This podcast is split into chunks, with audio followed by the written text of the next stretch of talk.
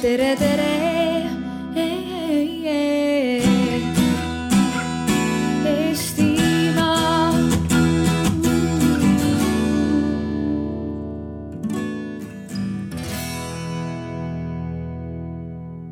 Kõrghariduse tuleviku huvilised, kell on saanud neli. hakkame aruteluga pihta. teema meil on loomulikult äh, äärmiselt lai. Tuleviku kõrgharidus, kõrgharidus, kuhu sa lähed, sellest võiks rääkida päevi ja pidada palju konverentse. katsume hoida võimalikult konkreetse selle jutu. palved, mis ma saatsin panelistidele ette, oli see, et äh, et mõtted võiksid olla teravad, konkreetsed, näideterohked. kindlasti kasutan mulle antud voli moderaatorina võib-olla pikale ja laiali valguvaid äh, sõnavõtte kitsendada, korrale kutsuda.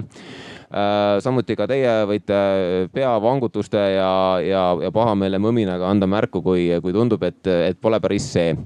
üldine raamistus järgnevale pooleteistkümnele tunnile on see, et meil on arvamusfestival ja meil on haruldane võimalus, meil on siin tinglikult laval, igal juhul rambi valguses nagu me tuvastasime, siis äh, seltskonna peale kokku saab öelda, et on umbes kaks koma null koormust poliitikut äh, ja igal juhul kolm koma null koormust rektorit. Äh, nii et, nii et äärmiselt esinduslik seltskond kõrghariduse kõige kõrgemal tasemel ja ka teadlastena süvitsi ise väga hästi tuttavad ja mis meie ühine pingutus võiks olla, et, et saada kätte nende inimeste arvamused, mida nad tegelikult asjade kohta arvavad loomulikult tuleb teha kompromisse ja leida kuldne kesktee kõigis asjades, aga, aga maailmavaated inimestel ju erinevad, et mis siis konkreetsed mõtted rasketel teemadel on. me ei hakka siin heietama selle üle, et kõrgharidus vajaks rohkem raha või et haridus on tähtis. me kõik teame seda, me katsume rääkida keerulisematest, raskematest teemadest ja kes me oleme siia, siia kogunenud, hakkame sealt otsast pihta. Enno Lend on Tallinna Tehnikakõrgkooli rektor Äh, Ulla Preeden on Tartu Tervishoiu Kõrgkooli rektor. Äh, Mait Rungi on Eesti Ettevõtluskõrgkooli Mainor rektor. Kristiina Tõnisson äh, on Tartu Ülikooli tippteadlane ja hariduse kvaliteedi hindaja, haridusvaldkonnas tegutsenud erinevates rollides. ja Mailis Reps on haridusminister loomulikult. mina olen Kristjan Oots ja tänase arutelu moderaator. aga et selleks, et käima tõmmata, siis ma küsiksin, et ähm, internet on täis äh, tarkust, inglise keelt inimesed, eriti noored inimesed räägivad. meil on Youtube, meil on Coursera, meil on Vikipeedia. Ma võin ise öelda väga paljut, mida ma iga päev oma töös kasutan, ma ei ole õppinud formaalhariduses, olen õppinud nii nagu vaja. et milleks meile seda, seda kõrgharidust üleüldse vaja on, äkki see on iganenud äh, formaat ma ei tea, kunagi põllumajandus oli organiseeritud mõisate kaupa ja siis kolhooside kaupa ja nüüd tänapäeval ta on nii nagu turg, turg seda nõuab, et äkki see ülikooli formaat on ka aegunud ja, ja haridust omandatakse hoopis teisiti tulevikus. Mailis Reps, mis te arvad sellest?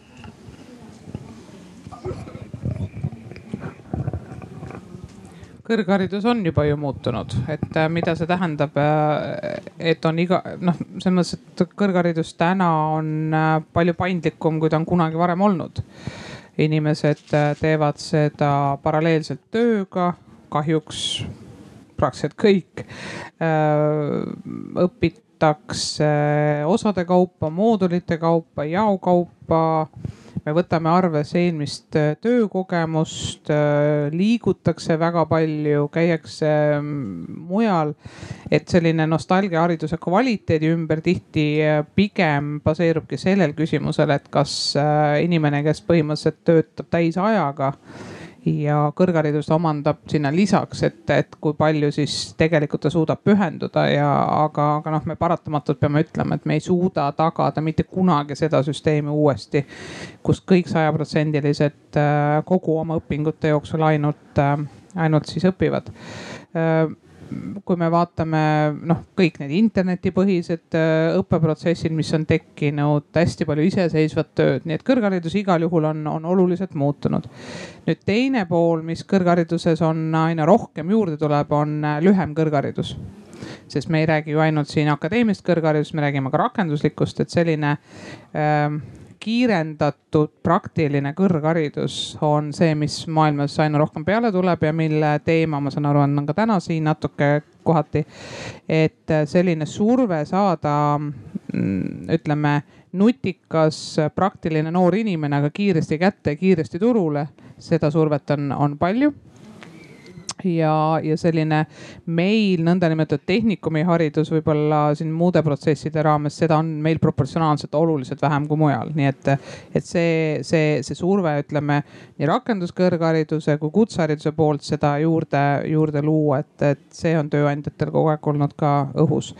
ja võib-olla noh, jah, me oleme lubanud lühidalt, et ma siis neid mõtteid jagan hiljem edasi, aga aga kas siin on kogu aeg veel midagi muutumises? jah, isegi akadeemilised väga soliidsed ja traditsioonilised ülikoolid maailmas on tänaseks väga palju viinud internetti.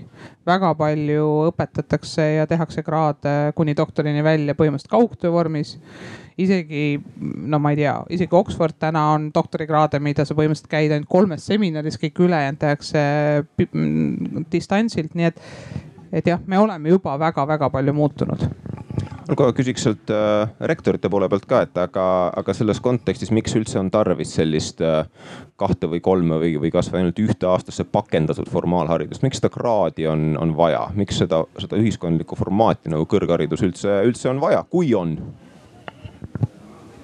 kes võtab? No ühelt poolt on traditsiooniliselt, traditsioonid on see, mis määravad ühte või teist asja, eks me oleme harjunud sellises kraadide süsteemis elama.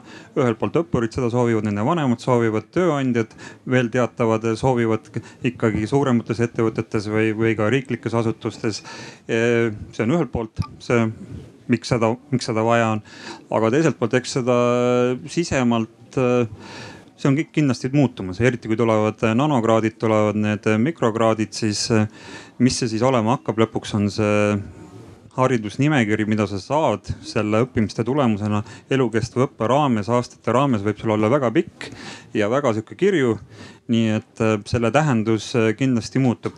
Endal isiklikult äh, no selle, kui ma alustasin seda juttu, et traditsioonid on mingil määral seda nõudnud, siis, siis minu käest on alati tööle tulekul küsitud, kas ma õpin ja milline on minu haridus. aga tegelikult töötamise ajal ei ole enam keegi selle vastu huvi tundnud, kas ma olen selle haridusega lõpetanud või mitte kahjuks, nii et, et tegelikult ma arvan, et see tööandjatel on see ka hakanud muutuma, peaasi on see, et, et inimene oleks noor, särav ja õpihimuline.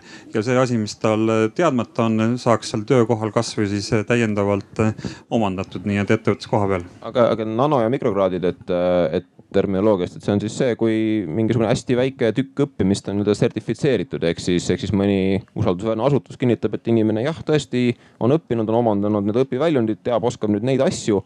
ja, ja see, seda võidakse teha kasvõi, kasvõi mõne nädalaga, aga, aga võib-olla siis jah, et kas see ongi siis tulevik või kas olete Mait Rungi nõus? mina olekski võib-olla natukene vastu vaielnud ja enamasti, kui on haridusest juttu, siis äh, tänapäeva sellises haridus haridusruumis ja, ja eriti võib-olla kõrghariduse ruumis on seda vabadust hästi palju ja kui käia Euroopas või Eestis ja, ja räägitakse üldiselt kõrgharidusest, siis see ootus on tõesti sellele mu muutustele hästi suur. ja et saaks võtta siukseid väikseid tükke, haridust kokku panna, valida neid asju, mida me tahame. aga olgem ausad, eriti rakenduskõrgkoolide vaatest ja, ja kahtlemata tervishoiukõrgkool, kust ma ise tulen, et on väga palju erialasid tegelikult, kus see äh,, olgu see kõrgharidus või kutseharidus, see ei ole niivõrd tähtis. lihtsalt me õpime tegelikult oskusi, me, me saame oskused, me omandame teadmised ja, ja selleks, et siis neid teadmisi ja oskusi tõendada, see on see tase nagu, et kus meil täna need kraadid on. et lõppkokkuvõttes, kas, kas see seal äh, lõpp Äh, on olemas või ei ole, on terve hulk erialasid, kus teistmoodi ei ole võimalik nii-öelda spetsialisti staatust tõendada ja see on hästi oluline. et kindlasti võiks teha neid teste ja, ja eksameid ka töö juures koha peal lõpuks, et hakkab tööandja, näiteks haigla hakkab testima, kas see õde on ikka piisavalt pädev või ei ole. aga palju lihtsam on ikkagi see, kui ta usaldab, usaldab seda haridust, usaldab seda süsteemi ja et mitte ainult Eestis, vaid tegelikult kogu maailmas, et kui ta on saanud Eestis äh, bakalaureusekraadi olgu siis rakenduskõrgkoolis või ülikoolis või, või järgmise astme, siis kui ta läheb Euroopasse või kuhugi mujale maailma, me tahame tegelikult, et, et ka see järgmine kool ta vastu võtaks, mitte ei hakkaks uuesti testima, uuesti küsima, uuesti kontrollima, et olgem ausad, et see ongi võib-olla kõige suurem nagu väärtus, et meil on see võrreldavus, muidu võiks ju kogu aeg küsida, et kui palju sa oskad, kui palju sa omandanud oled ja, ja loomulikult oleks hea, kui oleks neid alternatiive, et ka seda arvestatakse järjest rohkem.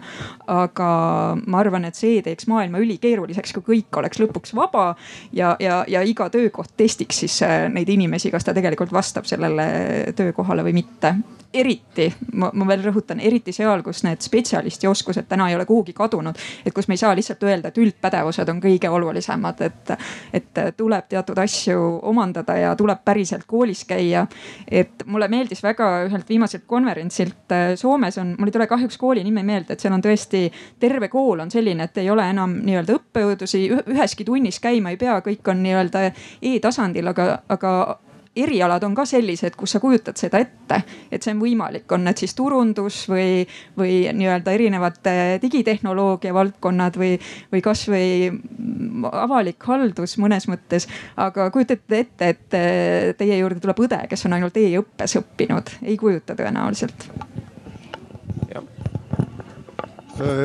sellised hariduslikud redelipulgad, eks need on meie eelkäijate välja mõeldud, ma mõtlen bakalaureus magister, doktor. kas ilma nendeta ka saaks? muidugi saab. mõnes piirkonnas, mõnel pool võid magistrisse minna ilma bakata ja, ja doktorisse ilma magistrita. nii et tähtis lõppkokkuvõttes päeva lõpuks ei ole alati mitte sisend, kuidas sa kuhugi liigud, vaid ikkagi väljund. Mis tulevik toob, elame-näeme. mõnes piirkonnas need osapulgad on süsteemist välja löödud, võib-olla meil ka kunagi lüüakse aga kas äh, see, need mahud, et võib-olla mõlemale eelkõnelejale see küsimus, et, äh, et see, et oleks võrreldavus ja, ja see, et oleks mingisugune süsteem. Äh, noh, see on ju, see on ju mõeldav ka niimoodi, et ei ole kolmeaastane või kaheaastane see üks aste, võivad olla ka ju väiksemad, et et, et jälle see mikro ja nanokraadide küsimus, mis te sellest arvate? Minu meelest, kui ma õigesti mäletan, Bologna vist loodi üheksakümmend üheksa, kakskümmend aastat tagasi ja eks ta sellepärast loodigi, et me üksteisest, ma mõtlen Euroopat, maailma, et me üksteisest paremini aru saaksime. süsteemis on mõrad sees. kas need mõrad on positiivse mõjuga maailma haridusele või kõrgharidusele või mitte, ei oska täna öelda. Aga me peame arvestama sellega, et et need äh, mikro- ja nanokraadid on elust endast tekkinud ja vajadus olemas kui see vajadus tuleb nüüd spetsialistide poolt nende nanokraadide järgi, siis võiks ju väga küsida, et, et kas me tahame väga lühikese ajaga, kes omandavad väga lühikese ajaga kraadi, nanokraadi. kas me tahame selliseid lennukiehitajaid, kas me tahame selliseid sillaehitajaid, kas me tahame neid selliseid spetsialiste? No see natukene oleneb, et mina ise tegelikult toetan väga praegu suured arutelud Eesti tuleviku hariduse teemadel ja, ja kuhu liikuda. et ma tegelikult väga toetan seda, et saaks neid väikseid jupikesi võtta ja ma näen seda tervishoiusektoris samamoodi, et, et see lõpuks oleneb, mis on see väljund tõesti, et ma olen siin nagu nõus, et, et äh, kui see inimene äh, kogu selle õppe vältel näiteks kõrghariduses teeb ära teatud osa, siis ta vabalt, äh, ma kujutan ette, näiteks õeõppekaal võiks vabalt seal kolme aasta, kolme aasta järel nad niikuinii võivad juba abiõdedena töötada, aga enne seda ka väljudes, et kui need oleks ühtlustatud, saaks äh, vähemalt suurem osa hooldustöötaja kvalifikatsioonist, et, et e, ma tõin nagu küll valdkonnapõhise näite, aga, aga tegelikult äh, see süsteem võiks olla palju-palju avatum just sellepärast, et ma arvan, see, kui juba natukene inimene tuleb, õpib ja, ja natuke omandab neid oskusi, et loomulikult me ei ütle, et ta on selle valdkonna spetsialist kohe pärast. aga see annab talle tõenäoliselt ühelt poolt, kui ta on algaja, siis see annab võib-olla talle motivatsiooni edasi õppida õppida. aga teisalt äh, on täna väga palju neid inimesi, kes tõenäoliselt selle hariduse omandasid võib-olla kakskümmend aastat tagasi, võib-olla kolmkümmend aastat tagasi. see väike amps mingit äh, eriala või, või, või sihuke nanokraad äh, spetsialiseerumist annab sellele inimesele täna uue võimaluse ja Eh, kui rääkida nüüd sellest nano või ma arvan, et need kraadid on nii-öelda nagu boonused tervikpildi juurde. et kuskil peab mingi baas olema, ütleme, et sa tõid selle õenduse näite, et, et oletagem, et õde otsustab, et ta ei õpi anatoomiat, see on liiga raske, aga ta õpib hästi palju näiteks süstimismeetodeid. et me saame väga sellise pildi kokku panna, et justkui on väga hästi, aga kuskil see tervikpilt läheb lokkama.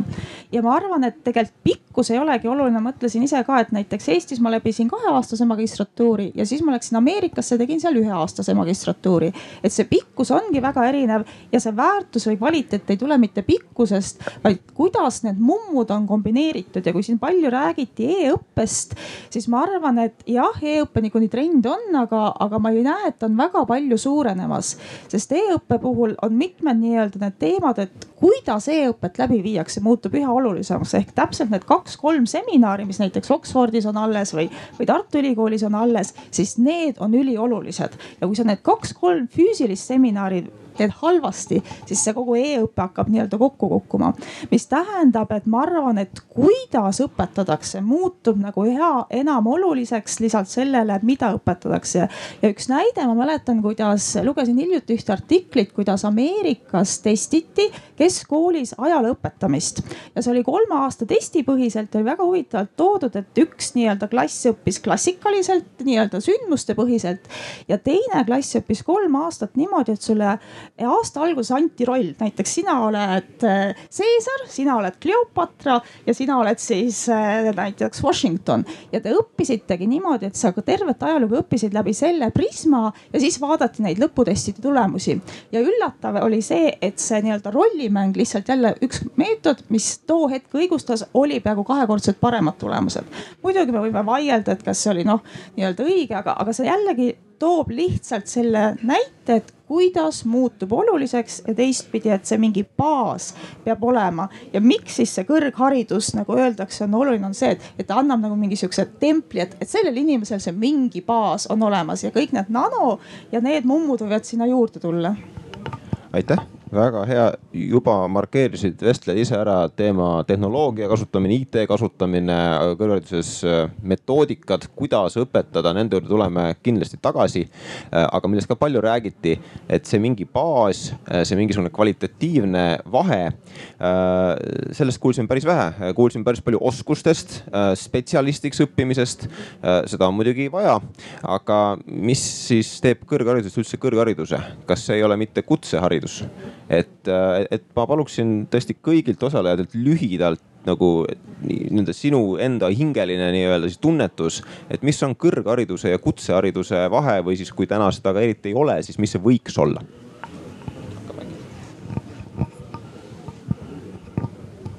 jah, minule kohe kajastus Ülo Vooglaiu pikk kirjutis kõrghariduse, kutse ja ametihariduse koha pealt, et äh, jah, ma vist ei hakka filosofeerima praegult, et, äh, et tegelikult hea kõrgharidus ongi see, kui me anname inimesele, oleneb muidugi jälle valdkonnast, eks ju.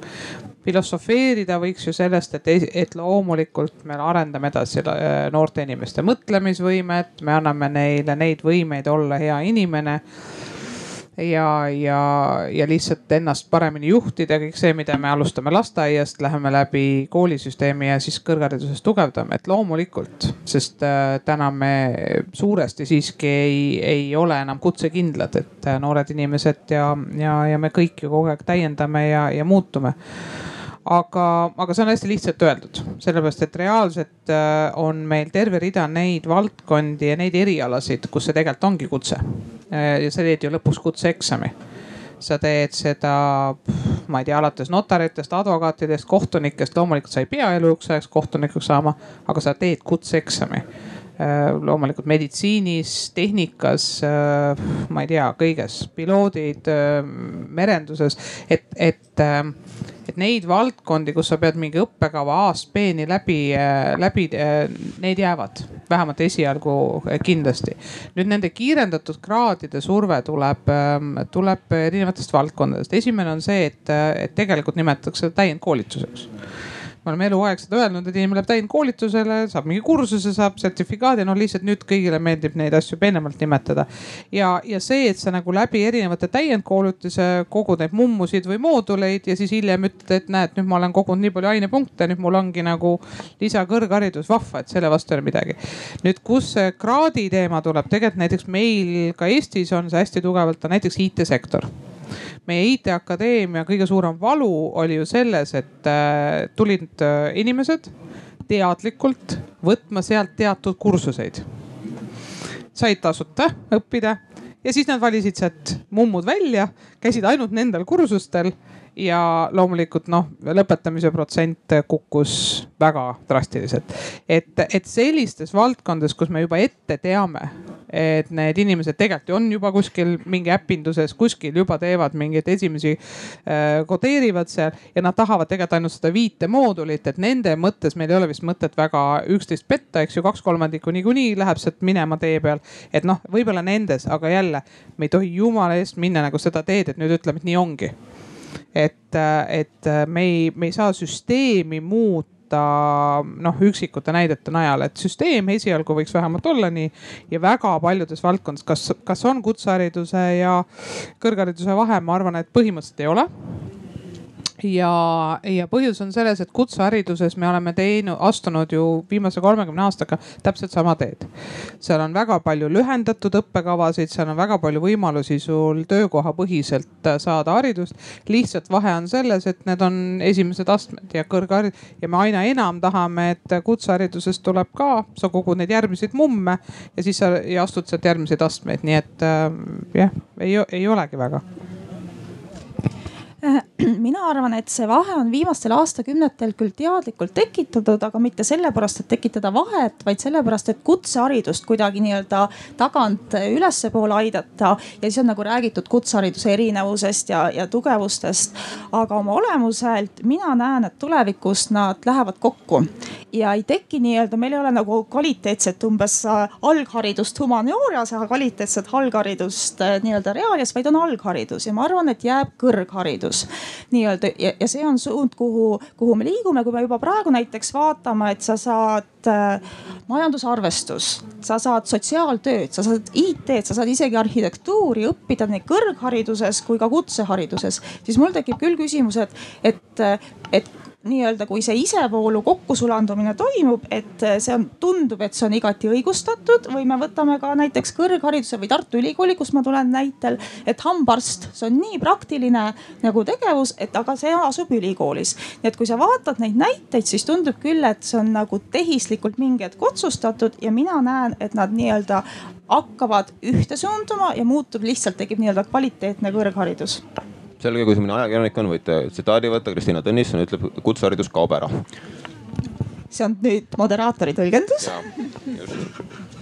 no mina vaataks, alustaks seda, selle teema võib-olla lahkamist, käsitlemist sellega, et, et millised on need ametikohad ja millised on need rollid, mida, mida ühiskond ootab.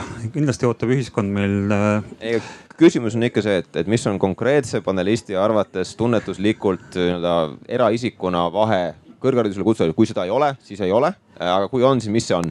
ja, ja. üldühiskondlike teemadeni me veel jõuame. jah, soovitakse lihttöölisi, soovitakse spetsialiste, soovitakse tippspetsialiste, soovitakse juhte ja ühed neist äh, annavad või õpetavad siis kutsekoolid. sest et selleks on eeldused ilmselt äh, rohkem eriala teadmisi on seal tarvis, vähem äh, üldpädevusi on seal tarvis.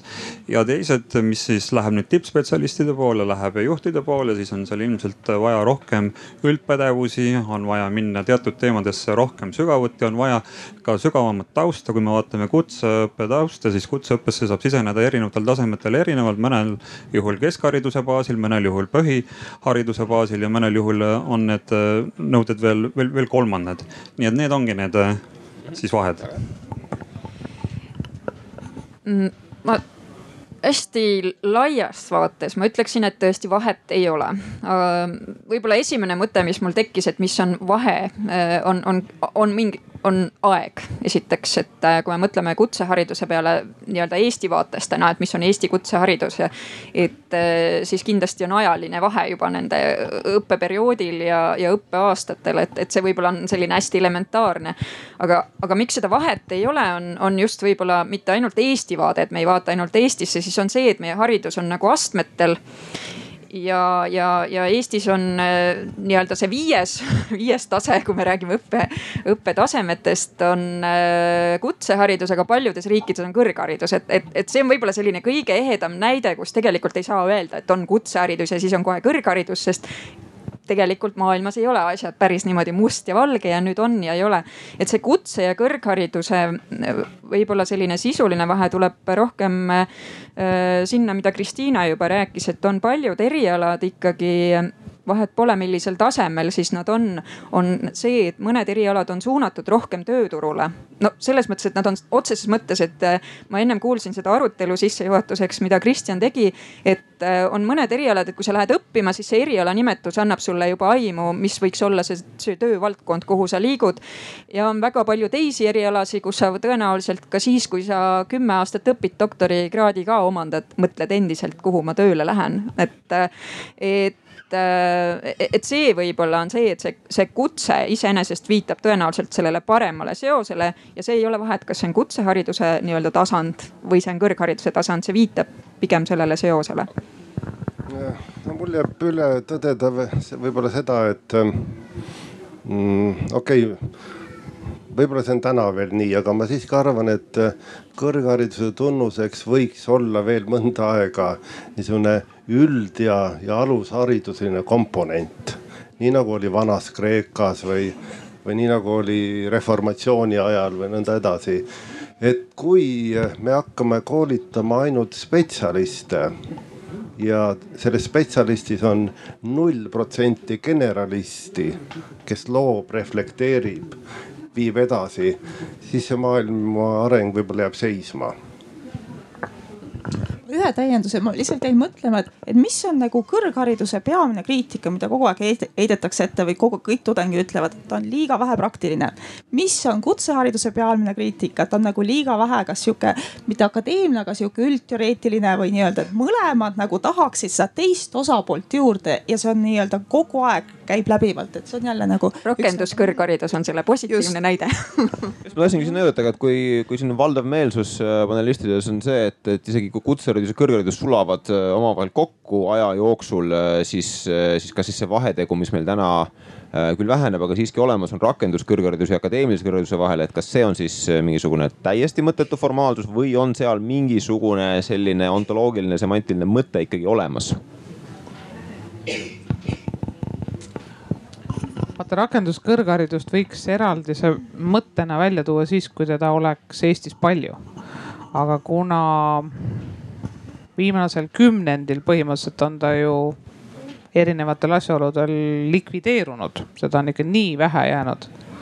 et jätame, meditsiin on jäänud ja seda põhimõtteliselt sellepärast, et noh, okei okay,, jah, ta on jäänud ja siis on, eks ju, põhimõtteliselt ongi noh, Mainor on, eks ju, era, aga ütleme põhimõtteliselt oledki sina jäänud ja siis, siis. on no, terve suur Sisekaitseakadeemia. no ja, ja aga see on, ei ole väga, ei väga vähe. just käisin kõik õppekavad täna hommikul üle, mis et, on veel rakenduskõrgharidus. ei, ei no tegelikult noh, praktiliselt, sest ta ei ole nagu enam eraldiseisev, et ta on jäänud teatud valdkondade põhiselt järgi. et seetõttu pigem me võiksime üldistatult öelda, et akadeemiline kõrgharidus on äh, seetõttu ootuspäraselt läinud, äh, see surve on aina tugevam olla rohkem praktiline.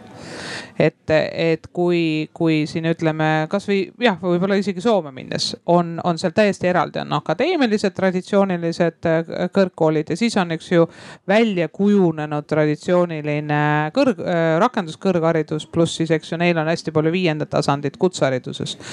et seal on väga selgelt näha, kus on praktiline pool ja kus on siis see nagu jah, nagu mille rektor väga ilusti ütles, selline, kus sa saad mõelda, mõtiskleda, filosofeerida ja, ja, ja siis nagu üldpädevusi arendada. aga, aga meil on nende erinevate konsolideerumistega, võiks vist viisakalt öelda, kogu selle reformi tulemust ja ambitsioonidega on tekkinud see, kus tegelikult akadeemilisel kõrgharidusel on surve olla praktiline noh, võtame näiteks lasteaiaõpetajad. kunagi olid nad pisipedas, teadsime täpselt, eks ju, akadeemilises kõrghariduses oli oma väljakutse. Eh, pisikesed, eks ju, nii Tallinnas kui Tartus tegid siis seda eh, ja, ja Haapsalus ja eks ju, kus nad veel olid, seal Rakveres. Nemad olid need praktilised, siis täna lasteaiaõpetajad on akadeemilises kõrghariduses ja samal ajal tohutu surve on, et nad oleks praktilisemad. see on lihtsalt üks väike näide, et seda, see konsolideerumise tulemus on tegelikult see, et see surve akadeemilisel olla mitteakadeemiline on tegelikult hästi tugev kohe võtan sõnasabast kinni, ma tajusin läbivalt sõnavõtus äh, kahjutunnet. jah, et, et, et see õhkamine tehnikakõrgkooli rektori sõnavõtu poole ka minu hinges käis see läbi. et aga kuidas siis võiks olla kodanik Mailis Reps üldse mitte ametikohast tulenevalt, aga kuidas siis võiks olla? See nüüd on väga armas katse, aga, aga ma väga vabandan, et äh, olles olnud enam kui kakskümmend aastat hariduspoliitikas, ei ole mul ühtegi vabandust, isegi kui ma ütleks, et soiguvalt, et tead, ma olin viisteist aastat opositsioonis ja ma ei vastuta. et noh, jama, ma olen selle sees olnud, ma olen näinud, miks need protsessid käivad. seda ei ole võimalik täna tagasi keerata. ainukene asi, mida me võime tõsiselt debateerida, on see, et kas meil on ruumi kutsehariduse ja rakenduskõrghariduse ja akadeemilise kõrghariduse ühend viienda taseme kutsekõrghariduse loomiseks uuesti. ehk siis nagu noh, mõte, mida mina olen siin mõtisklenud ja, ja kahjuks ka mitte ainult kodanikuna, vaid ka ministrina, on see, et uuesti piirkondlikult rakenduskõrgkoolide osaliste akadeemiliste kolledžite kõige najal uuesti nagu tunnistada, et võib-olla need piirkondlikud kolledžid oleksid vajalikud. Äh, kus võtaks kutsekoolid ja, ja ülikoolid kokku ja, ja sest, sest seda, seda nostalgiat ja soovi on tegelikult äh, ettevõtluse poole pealt ja tegelikult ühiskonnas ka. et, et see, see nõndanimetatud viienda tasandi või vana nimetusega tehnikumi haridus, et seda on, et seda ma õhkaks küll aga seda, et me nüüd uuesti looksime, võtaksime need kolledžid äh, eraldi ja kõik noh ei ole võimalik, me tekitaks mingisuguse seitsme-kümne aastase kaose ja tegelikult see tulem ei pruugi üldse see olla, pole mõtet, et võtame nii, nagu ta täna on. Need on sinna liitunud, me peame ausalt tunnistama kõik, et näiteks Tartu Ülikool ei ole ainult akadeemiline ülikool tal on samasugune surve väga paljudes valdkondades olla ülipraktiline. ta on ka samamoodi kõrgharidusega kutsekool, eks ju. et, et see nii on ja, ja, ja on loomulikult neid teaduskondi, kus sa saad käia ja olla see akadeemiline kõrgharidus. aga siiski see surve olla ülipraktiline, kõik need nanokraadid, need pisikesed kraadid, ühikesed asjad on see, et tulen sisse üks nädalavahetus saan kraadi, lähen välja. seda, seda, seda, mida sa saad kõrgharidus, sa saad endale sotsiaalse võrgustiku, sa saad endale partnerid, keda sa terve elu hiljem. miks minnakse, ma ei tea, Eatoni poistekooli või, või ma ei, makstakse meeletut raha Stanfordi minna. on sellepärast, et see, mida sa sealt saad, need klassikaaslased, need sõbrad, kõik need ükssarvikud, kes koos pärast ettevõtjaid teevad. seda sa nende nanokraadide e-õppega ei saa. et me ei tohi alavääristada ka seda vajadust, aga me mõistame, miks see praktiline surve on sees. sest tööandja tahab homme, sest ülehomme oled sa juba jalga lasknud ja ülehomme teed sa midagi muud. see on see tempo ja nüüd on küsimus, et kas me peaks selle tempoga kaasa minema või me võiksime öelda, et tšurr, on mingid asjad, mida me ka hoiame siin ja see akadeemilise kõrghariduse vähemalt no jätame siis kasvõi ühe ülikooli. et, et noh, mingisugune mull võiks jääda ka seda päris kõrgharidust järgi aitäh. Äh, nüüd teeme väikse käiguvahetuse ja lähme hoopis praktilisemate teemade juurde, lähme filosoofiast maa peale tagasi, enne kui on, enne seda, aga kui mõni ajakirjanik siin on ja kui ei kuulnud, siis äh, kirjutas parasjagu eelmist pressiteadet, siis äh, tsitaat oli, et Mailis Reps, tänane Tartu Ülikool on kõrgharidusega kutsekool äh,. aga, aga, aga, aga, aga tulles siis tõesti nüüd väga konkreetseks, siis siin käis korduvalt läbi e-õpe äh,, laiemalt siis IT rakendamine kõrghariduses. Ma küsiksin niipidi, et noh, küsimus pole, et, et umbes, kas seda on vaja, see on tulnud, et jääda, aga ma küsiksin panelistidelt niipidi, et äh, palun nimetage kõik üks hästi mõistlik viis, kuidas IT-d kõrghariduskogemuse parendamiseks saab kasutada, on kasutatud. ja siis nimetage üks hästi ebamõistlik viis, mida te näete, et kuskil keegi äkki propageerib või olete isegi sunnitud olnud kokku puutuma, aga mis minu meelest mis nagu teie hinnangul, teie meelest kuhugi ei vii. hea, hea ja halb näide, kui on vähegi võtta ma võin kohe alustada hästi praktilise poole pealt, endal kohe tulid meelde. et ähm, ma arvan, kõige parem viis ja, ja kus on äh, seesama võib-olla vastandumine täna ootuses nii-öelda e versus mobiilsus on, on, on see, et läbi e-lahenduste saavad sul kohapeal olla tõesti maailma tippspetsialistid, kes ei pea koha peale sõitma, vaid teevadki sulle seal Skype'is need äh, äh, loengud ja juhendamised ja kõik muud ära, sest muidu sul seda kontakti ei oleks, et minu arvates see on võib-olla kõige positiivsem osa sellest. ja, ja võib-olla, mida ma näen, et mis hakkab ajale vaikselt jalgu jääma ja, ja, ja mida mingil ajahetkel palju taheti, et mulle vähemalt tundub, et äh, selline staatiline videoloeng, et salvestan ära, räägin ja siis pärast lastakse kümme aastat seda loengut nagu, et ähm, ma ei tea, keegi vist ei taha seda enam nii nagu algul öeldi, ma esindan tehnika-tehnoloogia sektori ja rakenduskõrgharidust. nüüd, kui mõelda selle hariduse kvaliteedi hinna osas, siis ühe, ühe kalli seadme, mingisuguse tööpingi, eks ole, hankimine võib maksta miljon, et demonstreerida, kuidas ta töötab.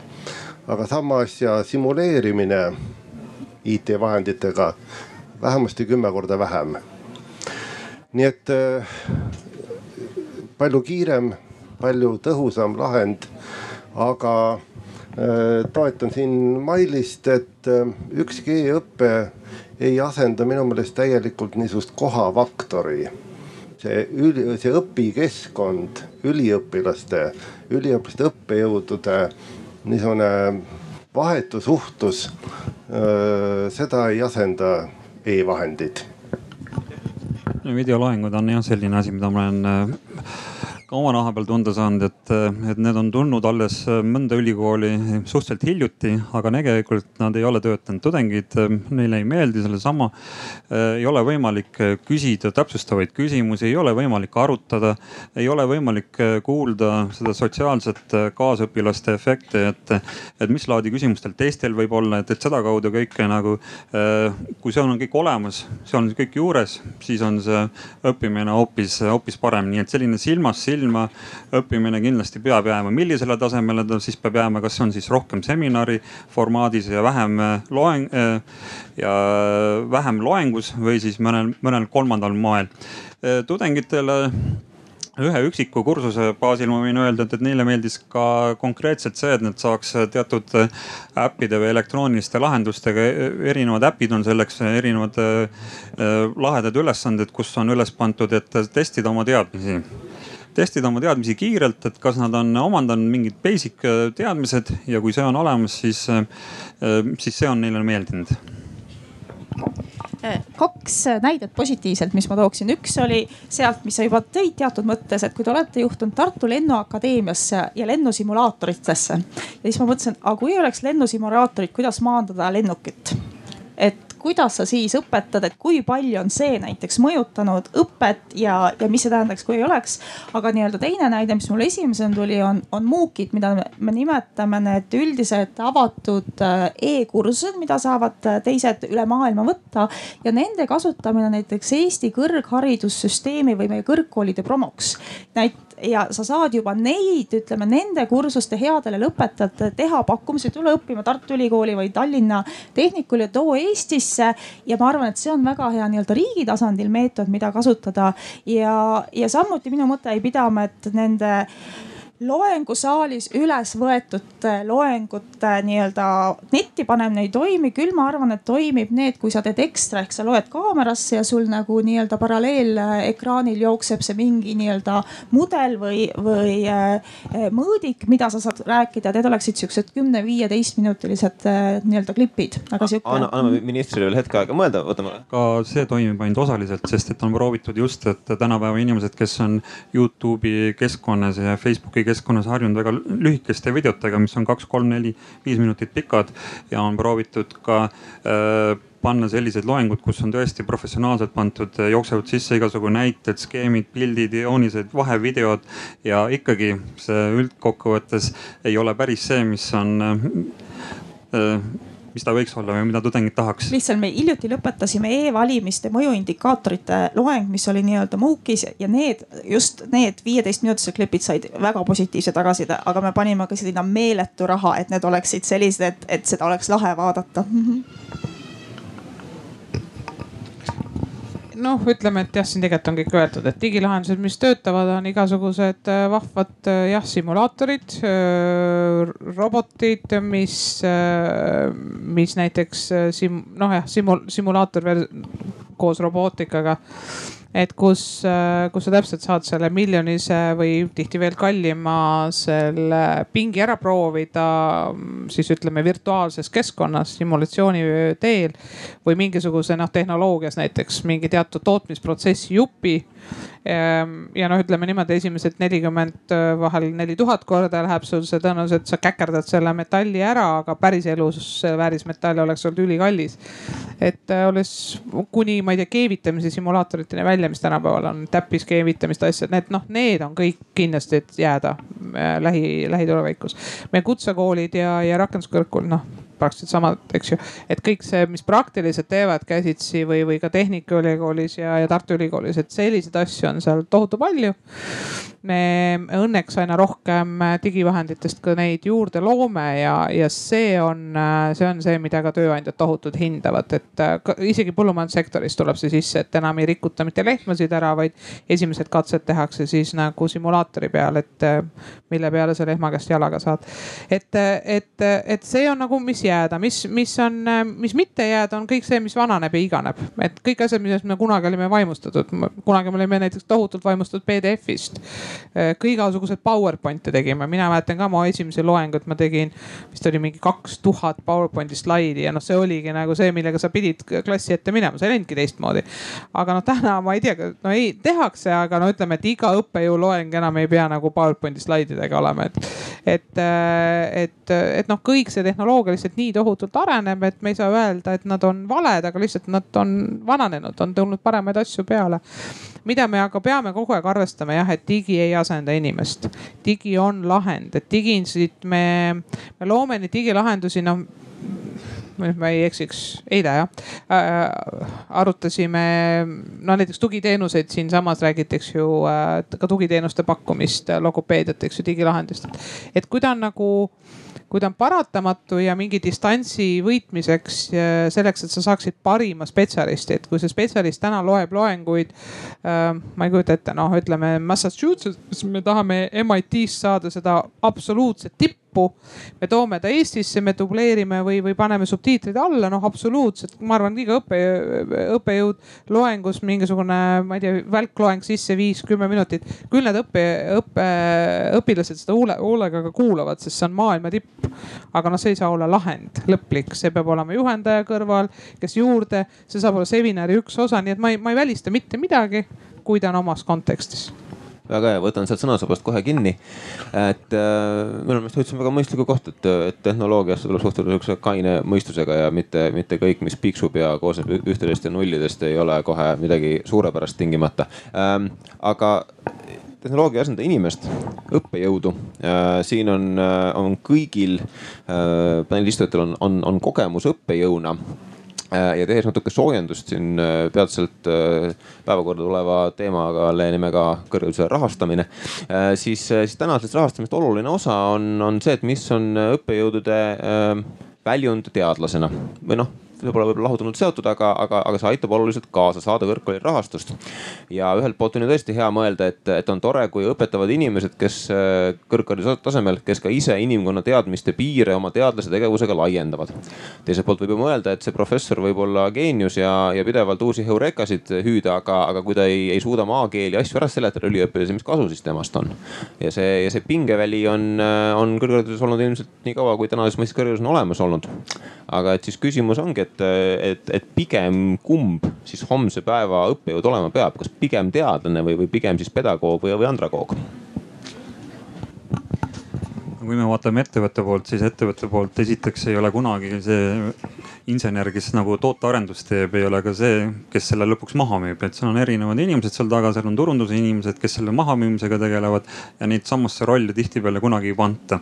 hariduses seda püütakse teha, et hariduses püütakse panna nii, et oleks õppejõud kõik täidaks neid ülikooli kõik põhiülesanded, milleks on siis õppetööga tegelemine, teadustööga tegelemine ja koostööga ettevõtetega tegelemine. et kõike seda, need on hoopis erinevaid oskusi nõudvad asjad ja seda tegelikult ühte inimesse panna on tõeline harv juhus, kui see nagu õnnestub aga kes see üks tüüpiline teadlane on? teadlane on, ma arvan kindlasti ka oma olemuselt ja olnud kogemust paljude teadlastega koos töötada, on tüüpiliselt ikkagi introvert ja, ja andragoog on kindlasti ekstravert. nüüd on küsimus see, et ja kui me vaatame ka teadlasi, siis teadlase tegelikult baaskoolituses väga paljudes ülikoolides on väga vähe didaktika ja pedagoogika osa, nii et neid tegelikult üldse ei valmista ette, ei valmistata ette. Neid valmistatakse ette teadlaseks, aga neid ei valmistata ette pedagoogiks ja kui nad lõpuks lähevad, siis lõpet-, saavad oma kraadi kätte, siis lähevad sinna klassi ette, siis nad peavad hakkama siis hoopis tegelema pedagoogi tööga. aga kui me vaatame natuke tuleviku perspektiivist, täna on meil nagu tulevik ka teemaks, siis äh, ma kujutan ette, et äh, tulevikus, kui personaalne õpe saab äh, hoopis suurema tähtsuse, kui see täna on. sest et inimesed tahavad õppida just sellises tempos, nagu nad tahavad, millal tahavad ja nii edasi, siis kui see personaalne õpe muutub päevakorda ja tekivad sellised lähemad suhted õppejõu ja, ja õpilase vahel a la sellised nagu on juhendajal ja juhendatava vahel, siis sellisel juhul ma arvan, et need teaduse, teadlase oskused oskused eh, ei ole enam talle miinuseks ja, ja need andragoogi oskused eh, võib-olla ei ole ka andragoogile kõige suuremaks eeliseks. See... mul jääb siin kirjeldus arusaamatuks, kust siis see tööaeg tuleb, et järsku on nii palju ülikooli töötaja aega ühe üliõpilase kohta? Eh, no see on see trend üks, millega ennustatakse, et, et tulevikus see on see turunõudlus. esiteks turunõudlus on see, et, et tahetakse õppida sellises tempos nagu tahetakse. teha, tahetakse teha lühikesi sutsakaid, tahetakse äh, tegeleda, noh õppida juurde täiendkoolituse raames.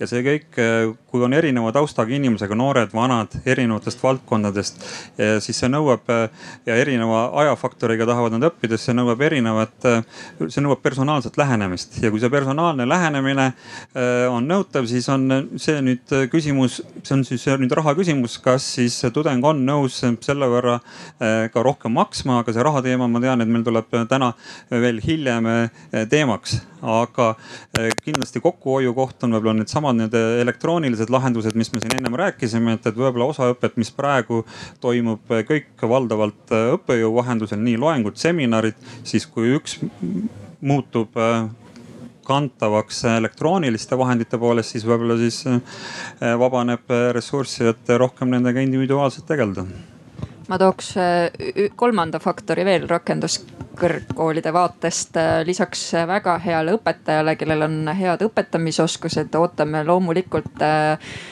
väga häid teadustulemusi, aga lisaks sellele võiks ta olla veel töötav praktik e, jah, just, et samal ajal siis teha tööd ka veel mingi koormusega, et, et ma ütleksin, et see on üsna tavaline selline rolliootus ja, ja kindlasti põhjustab see aeg-ajalt ka võib-olla rollikonflikti, et just see, et milline on see vastutav roll ja, ja, ja kelle, keda ma siis parasjagu esindan, kui ma kuskil olen.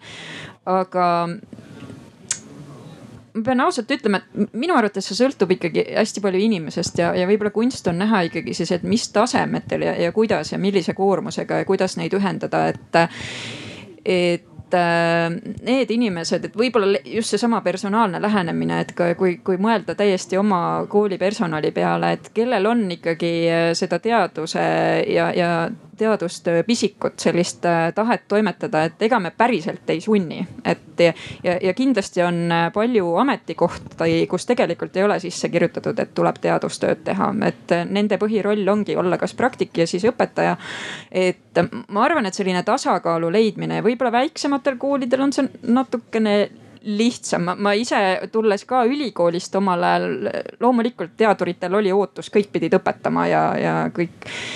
ja mis on nagu ka loomulik osa, aga mida ma nagu paraku kahjuks pean tunnistama, nägin üsna palju, et sedasama nagu oskust, et ei pakuta, tegelikult pakuti väga palju, aga aga ei mindud koolitama ennast, et võtta seda nii-öelda, et kuidas olla siis ka hea õppejõud selle juures, et äh, minu, minu arvates sel ajal, omal ajal oli ju palju neid äh, toetusi, üks hetk oli Priimuse koolitusi, nii et iga, iga nädal võis kuskil käia ennast koolitamas. ma tõmban vestlust natuke raja peale tagasi, aga ma nüüd ei saanud ikkagi aru, et mis siis siin nüüd seisukoht on, et kas, äh, kas pigem on, on üliõpilase asi sellest väga heast teadlasest aru saada, rääkigu ta lindude keeles või siis on, või siis on õppejõu asi ennast üliõpilastele selgeks teha, mis siis, et nad on nägupidi Facebookis ja lobistavad omavahel mina arvan, et kõige olulisem on see, et iga inimene valib selle rolli, kus ta on kõige parem ja, ja, ja siin on võib-olla siis just seesama äh, koolijuhi või, või siis äh, kogu personali või juhtide roll näha, et kui ikkagi õpi, õppurite tagasiside on selline, et äh, see inimene ei sobi õppejõuks,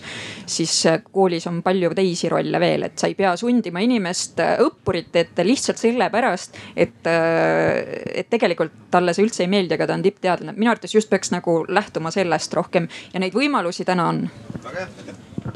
Äh, minu unistuses on selline rakenduskõrgkool, mille tegevusest kolm neljandikku oleks tasemeõpe ja üks neljandik rakendusuuringud. mis tähendab seda, et kusagil kakskümmend viis protsenti õppejõududest peaks olema teadustöö valmidusega inimesed. ja praegu on nii, et võib jaotada kolmeks üks, esimene kolmandik on, kes teevad ainult õppetööd, teine kolmandik, kes teevad nii õppetööd kui teadustööd. ja see viimane kolmandik või veidi vähem on parem, kui nad pigem teevad teadustööd, sest äh, rühma ette laskmine on natukene riskantne ma selle nii-öelda mõtte täienduseks, ma mõtlesin ka, et, et õppejõud, ma arvan, peaks olema spetsialist, kes saab asjast aru. aga kui nüüd mõelda, et kumb teeb rohkem kahju, kas halb teadlane või halb õppejõud siis ma arvan, et halb õppejõud teeb ühiskonnale rohkem kasu. nii et see annab ka mingi vastuse, aga muidu need kõik läbikäinud mõtted, kui sa oled ise nagu teadust teinud, sa üldjuhul peaksid olema ka parem õppejõud, sest sa oskad nii-öelda ise seletada, miks see on. nii-öelda, aga ei pruugi nii olla. ja, ja ma arvan, et see kombinatoorika leidmine on ülioluline, aga kui keegi peaks ütlema püssirohu, et, et rohu ette panema, ütlema, et vali, kas õpetamine või teadus, kumb on ühiskonnas olulisem, siis, siis ma arvan, et ühiskonnal on väärtuslikum, kui hästi õpetavad ülikoolid ja teadus on rahvusvaheliselt olulisem. ma absoluutselt keeldun vastamast küsimusele, kumb, sest meie hariduspoliitika on väga selgelt äh, meeskonnapõhine. Äh, ülikoolid, vabandust, ma ütlen ülikoolid, aga no ütleme kõrgharidusasutused siis, aga eriti meie ülikoolid on, on piisavalt suurte meeskondadega et äh, see on äh, nii nagu siin on juba kõlanud, see on puhtalt meeskonnakorraldus küsimus. põhjus, miks meil teadusasutused omal ajal äh, jõuga on põhimõtteliselt noh, praktiliselt kõik, siin on mõni üksik on jäänud, on ülikoolide juurde, on see, et äh, ja, ja mida näiteks ei ole lõunanaabrid teinud ja tegelikult see on viga, on see, et meie teadus, äh, ütleme, see teaduspanust saaks noor põlvkond ja seda antakse edasi. aga see ei tähenda, et antud inimene kes oma meeskonnaga teeb mingit kihvti äh, teadusasja, avastab ja, ja nagu siin on juba öeldud, on pigem introvertne. et tema nüüd peaks kindlasti olema näiteks bakalaureuse õppejõud suuresti ei ole ka, vaid, vaid tal on selles meeskonnas inimesi, noh, pigem on nad tavaliselt siis ütleme sellised arenevad äh, teadlased, kes siis, äh, kes siis lastakse niimoodi panustada rohkem õppejõuna. ja, ja niimoodi ta tegelikult on välja kujunenud. Äh, jah, ma olen nõus, mõni endiselt ei peaks veel minema klassi ette, aga, aga lähevad. aga, aga, aga on ka vastupidi ja muidugi noh, eks siis need pinged tekivad sellepärast, et kui teadlaskollektiivil on näiteks Euroopa projekt peal saab sealt, eks ju, lisavahendeid ja õppejõud seal kõrval eh, teeb ainult õppejõutööd, aga samal ajal üliõpilased seda väga hindavad, siis see palgavahe võib olla kuni seitsmekordne ja siis tekivad seal omajagu pinged. aga see on nüüd nagu ütleme, selline sisemine tööjaotuse normaalne reegel algusest peale olnud, et see on puhtalt äh, ülikoolide ja teaduskondade asi ja, ja ma arvan, see ei ole üldse halb, on teaduskonnad ja on teadlaste pundid, on õppejõudude pundid, aga jah, me ei taha, et nad oleksid eraldi majades. väga hea, mina olen rahul, kui see jõudis siia kohta, see jutt omadega. mul on kõigil teemadel omal ka kirglikud seisukohad, ma katsun võimalikult vakal hoida, aga, aga, aga. sest see ei ole täna minu roll siin ja nagu me just kuulsime, see rolli jaotus meeskonnas on väga oluline, et meeskond tervikuna oleks edukas, nii et katsume näidata eeskuju meie akadeemilistele asutustele aga taaskord mul suurepärane, suurepärane lainepikkus on siin, et, et, et minister lõpetab lause ja siis ma kohe võtan siit uue, uue teema. võib-olla minister avastab, kuidas nii-öelda mulle pähe äkkida ja, ja teema suunata sinna, kus ta tahab, aga siis eeldame, et minister tahab nüüd hakata rääkima kõrghariduse rahastamisest äh, just teadusrahad, Euroopa rahad, maksumaksja rahad, üliõpilaste rahad. Äh, loodetavasti lähme vaidlema, äh, aga, aga et, et siis uut teemat, rahastamise teemat alustada, siis ma küsiksin, et et jah, loomulikult kompromissid ja keskteed, aga pigem, kes ennekõike, kes nagu jah, kuhu poole see peaks kalduma, kas äh, kõrgharidus on erahüve või on see avalik hüve? kas on inimese enda asi, ta saab sellest ennekõike ise kasu või saab sellest kasu ühiskond? Ja siis vastavalt ka, kuidas peaksid jagunema niimoodi valdavalt kulud ja ma võin võtta siis sõnasabast kinni. no no ma, mul on mõnes mõttes lihtne, et ma ei hakka siin kõiki esindama, saan rahulikult esindada valdkonda, kust ma tulen, et selge see, et avalik avalik äh, huvi on ääretult oluline ja pigem vahepeal äh, võib-olla tekib isegi selline küsimus, et ähm, või et äh, ma arvan, võib, siin on tõesti see diskussiooni koht, et kuidas edasi, et praegu on hästi palju sellest rahastamisest räägitud, et mis on selle inimese vastutus ja mis oleks siis nii-öelda riigi või ühiskonna vastutus, et kus see tasakaal leida. meie just, kõigi. just, just meie kõigi vastutus, et äh, üks selge joon läheb kindlasti äh, nende nii-öelda oskuste ja töökohtade vahel, ilma milleta ei saa. lihtsalt on mingid ametikohad, et sa võid ju näiteks eh, kõikidele tervishoiu erialadele raha minna küsima, aga lõpuks ei ole sul neid inimesi, kes eh, tuleksid tööle, et ma arvan, üks on väga selge joon see, et on terve hulk erialasi, ilma milleta ei toimiks äh, ühiskond ja ilma mille, kui, kui me nagu mõtleme iseenda peale, kõige lähem on alati mõelda iseenda peale ja. ja, ja milliseid inimesi me ümberringi vajame ja kui me mõtleme sellele, et need on haritud spetsialistid, äh, kes kõrgkoolidest välja tulevad, siis ma ütlen mul isiklikult on lihtne, tervishoiu valdkonda on vaja, jääb vaja, ei ole absoluutselt mingit kahtlust. aga seetõttu mina siis ütlen, et see avalik ühiskondlik huvi. rahastamise kohta ma ütleks praegu ühe mõtte.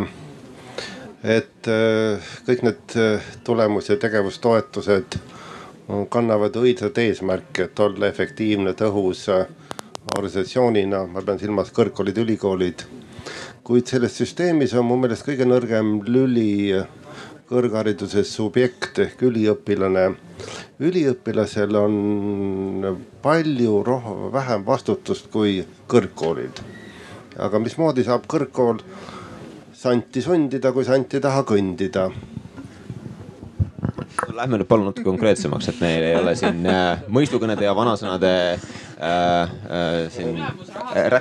sõltub lõpetajatest. tähendab. lõpetajat ei saa sundida lõpetama, kui nad ei lõpeta jah, et äh, kui üliõpilane õpib ühes kõrgkoolis alla poole nominaalset aega ja siis kõnnib minema, astub teise ülikooli kõrgkooli, seal jällegi natuke mängleb ja siis läheb kolmandasse, siis see kõik on avaliku hüve tarbimine ilma kindla sihita. mis oleks lahendus?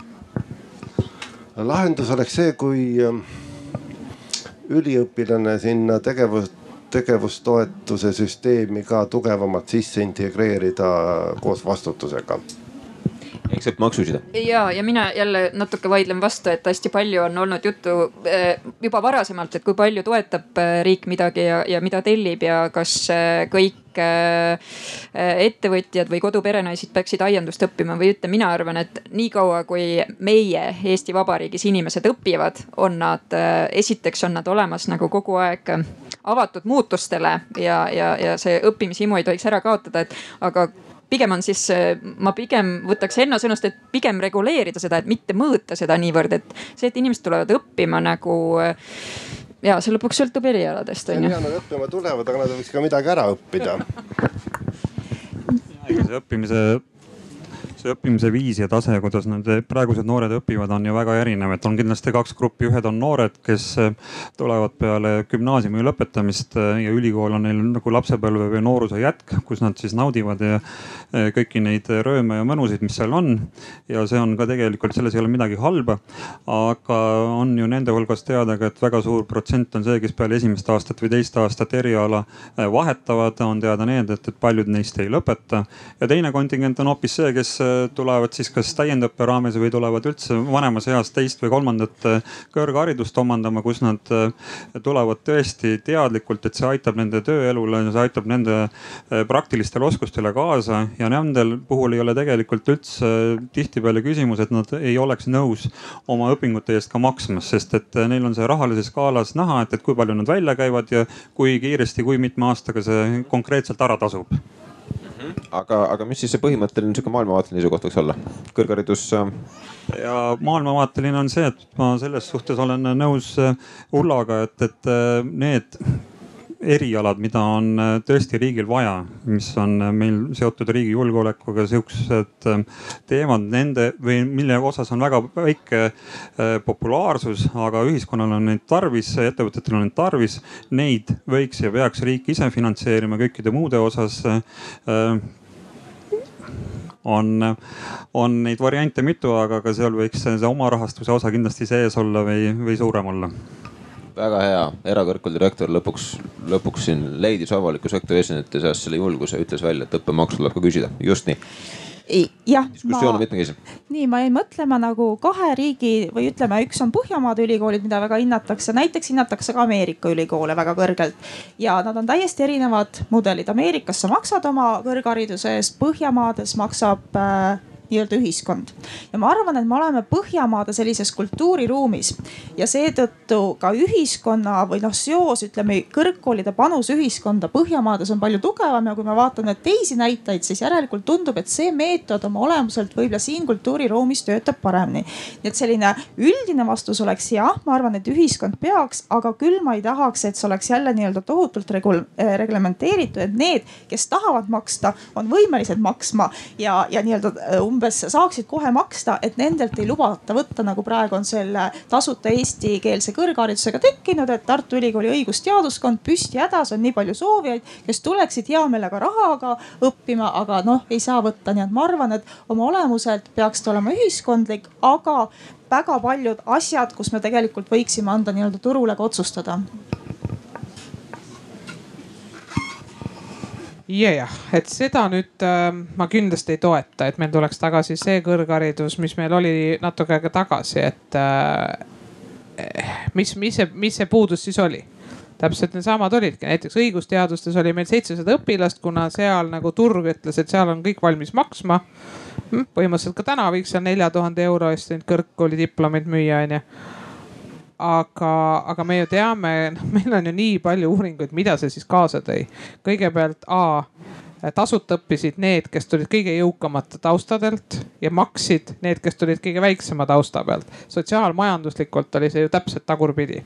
teatud äh, oli täpselt teatud ühiskonnakihtidest, teatud koolidest said see tasuta koha peale ja ei maksnud midagi ja seal, kus äh, see õppemaks ei oleks pidanud olema, need noored maksid. noh, teine, mis tekkisid, olid need meeletud vooruloengud, kus nagu raha eest tuldi massi pakkuma pakkuma ja, ja noh, neid asju me ei taha korrata. mida muidugi võib ühiskondlikult, kui me räägime nüüd seda nõndamoodi erapanusest arutada, on, on see, et äh, ah, ma kõigepealt vastan sellele, et, et, et ühiskondlikult vajalikud või mittevajalikud. vaata, me oleme ju nüüd üks ma arvan, et vist kümme aastat nüüd julgelt proovinud minna seda teed, et neid, mida ühiskondlikult vaja ei ole, neid ei peaks üldse õpetama. et, et kui me läheme nagu selle, selle tee peale, et ütleme, et hakkame sellega reguleerima, noh, ma ei tea, a la, siis läheme vaidlusse semiootikat vaja või ei ole ajaloolised koolkonnad on välja kujunenud. aga tema lõpetaja võib-olla otseselt kohe homme ei oska öelda, mida ta kolmapäeval lõpetas, neljapäeval, kuhu ta tööle läheb, eks. aga me, me kindlasti ei saa täna öelda, et seda ühiskonnas enam vaja ei ole või, või, või mingid arhiivindused või asjad, mis meil on väga väikesed grupid selleks me oleme lausa vastupidi ju toonud välja, et need on Eesti kultuurile vajalikud valdkonnad. nii et, äh, et pigem on olnud jah, see surve, et vähendada küll väga valuliselt iga kolme aasta tagant halduslepingutega oi-oi, Margus võib rääkida, kuidas see valu on olnud, valu, valu on olnud väga suur, aga noh, me tahame siis nagu survestada, et neid valdkondi vähendada ja võib-olla ühel hetkel mitte õpetada äh, avaliku-õiguslikus ruumis, et erasektor võib seda teha, kui soovib äh, maksumaksja raha eest neid valdkondi, mida vaja ei ole. nüüd äh, mida hariduse rahastamise puhul võib arvestada küll ühe lahendina. On, aga me oleme täna astunud täpselt teist teed, on siis see ühtlustatud ühtne õppemaks millest on siis vabastatud tingimuslikult siis kõik, kes oma valdkonda tööle lähevad ja nii edasi. aga see ei too raha juurde selles me peame nagu ausad olema, et see debatt on tavaliselt nii nagu lihtsustatult, et kui me viime näiteks, ma ei tea, nelja tuhande eurose õppemaksu kõigile, mida see noor inimene justkui ära ei maksa siis ta õpib tasuta ära, sest temaga on see leping, on ju, ja kui sa lähed erialasele tööle, siis sa ei pea seda kunagi tagasi maksma. veel kord, see ei too raha juurde. sellega see, see eesmärk on hoopis teine asi, seal on siis see, et me oleksime lõpetajakindlad, me oleks kutsekindlad, ma ei tea, me oleks riigikindlad, me oleksime kuidagi, panustaksime sinna, kuhu me, me mõtleksime paremini läbi, mida me õppima läheme. seal on hoopis teised eesmärgid. raha juurde sellised süsteemid ei too, sest kõik need süsteemid, mis tahavad olla Põhjamaade mudelis, kus me sotsiaalmajandusliku tausta järgi ei piira kõrghariduse kättesaadavust, loovad sinna kõrvale absoluutselt kohe sajaprotsendilise stipendiumisüsteemi. Et see noor inimesel ei oleks takistust õppida või vabandust, ütleme igal inimesel ei oleks takistust õppida näiteks õendust, kuigi see on tema kutse, aga arusaadavalt ta sellele peale maksma ei hakka, eks ju. E, ja seetõttu me siis loomeksime stipendiumid kohe sinna kõrvale, nii et, äh, nii et see, see ei ole rahamudel, see on seal, seal on teised eesmärgid. nüüd raha puudusest rääkides me peame lihtsalt siis tunnistama, et A, kas meil on ühiskonnas selleks ressurssi või siis B, me ühel hetkel tunnistamegi, et meie maksusüsteem tänases ruumis mingisuguseid sotsiaalseid hüvesid välja ei kanna.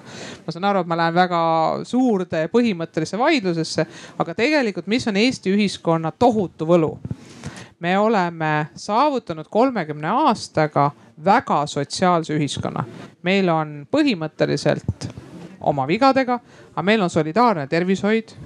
meil on põhimõtteliselt enamus teenused tasuta meil on äh, väga hea, aga tasuta haridussüsteem kõigi oma astmetega ja, ja nii edasi ja nii edasi. aga oma maksubaasist oleme me pigem seal Anglo-Ameerikas ja nüüd me peaksime ja, ja meil on vananev, äh, vananev siis elanikkond.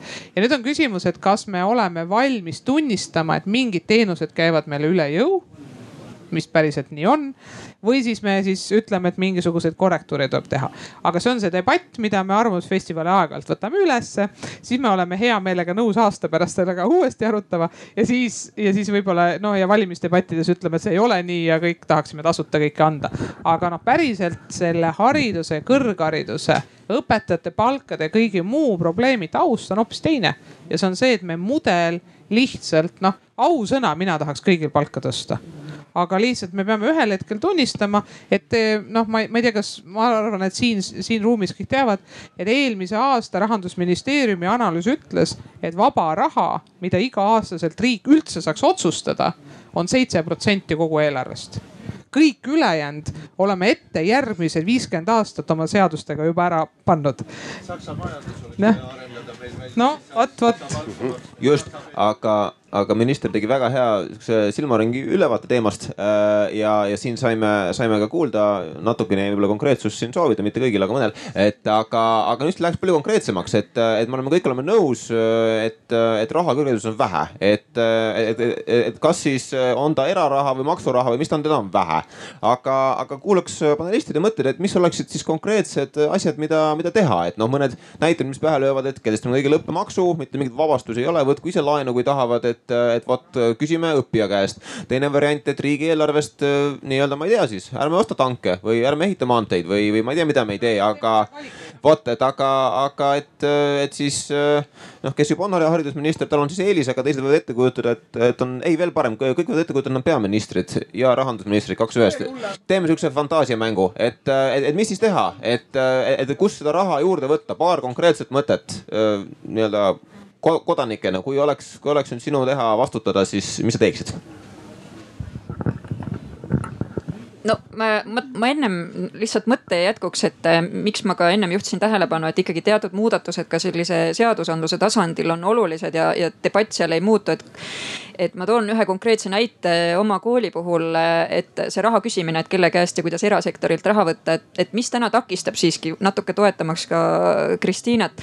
et kõrghariduses eestikeelset õppekava luua, uut ei ole võimalik, sest raha noh, täna on piiratud on ja need õppekavad, mis on, raha kuskilt juurde ei tule ja, ja me ei saa nagu. järelikult me loomegi neid võimalusi mingil muul viisil, kus siis õppur ikkagi selle raha toob ise nii-öelda erasektor siis. ja, ja samal ajal kutseõppes on täpselt sama kriitiline seis, nii limiteeritud kui see rahakott on.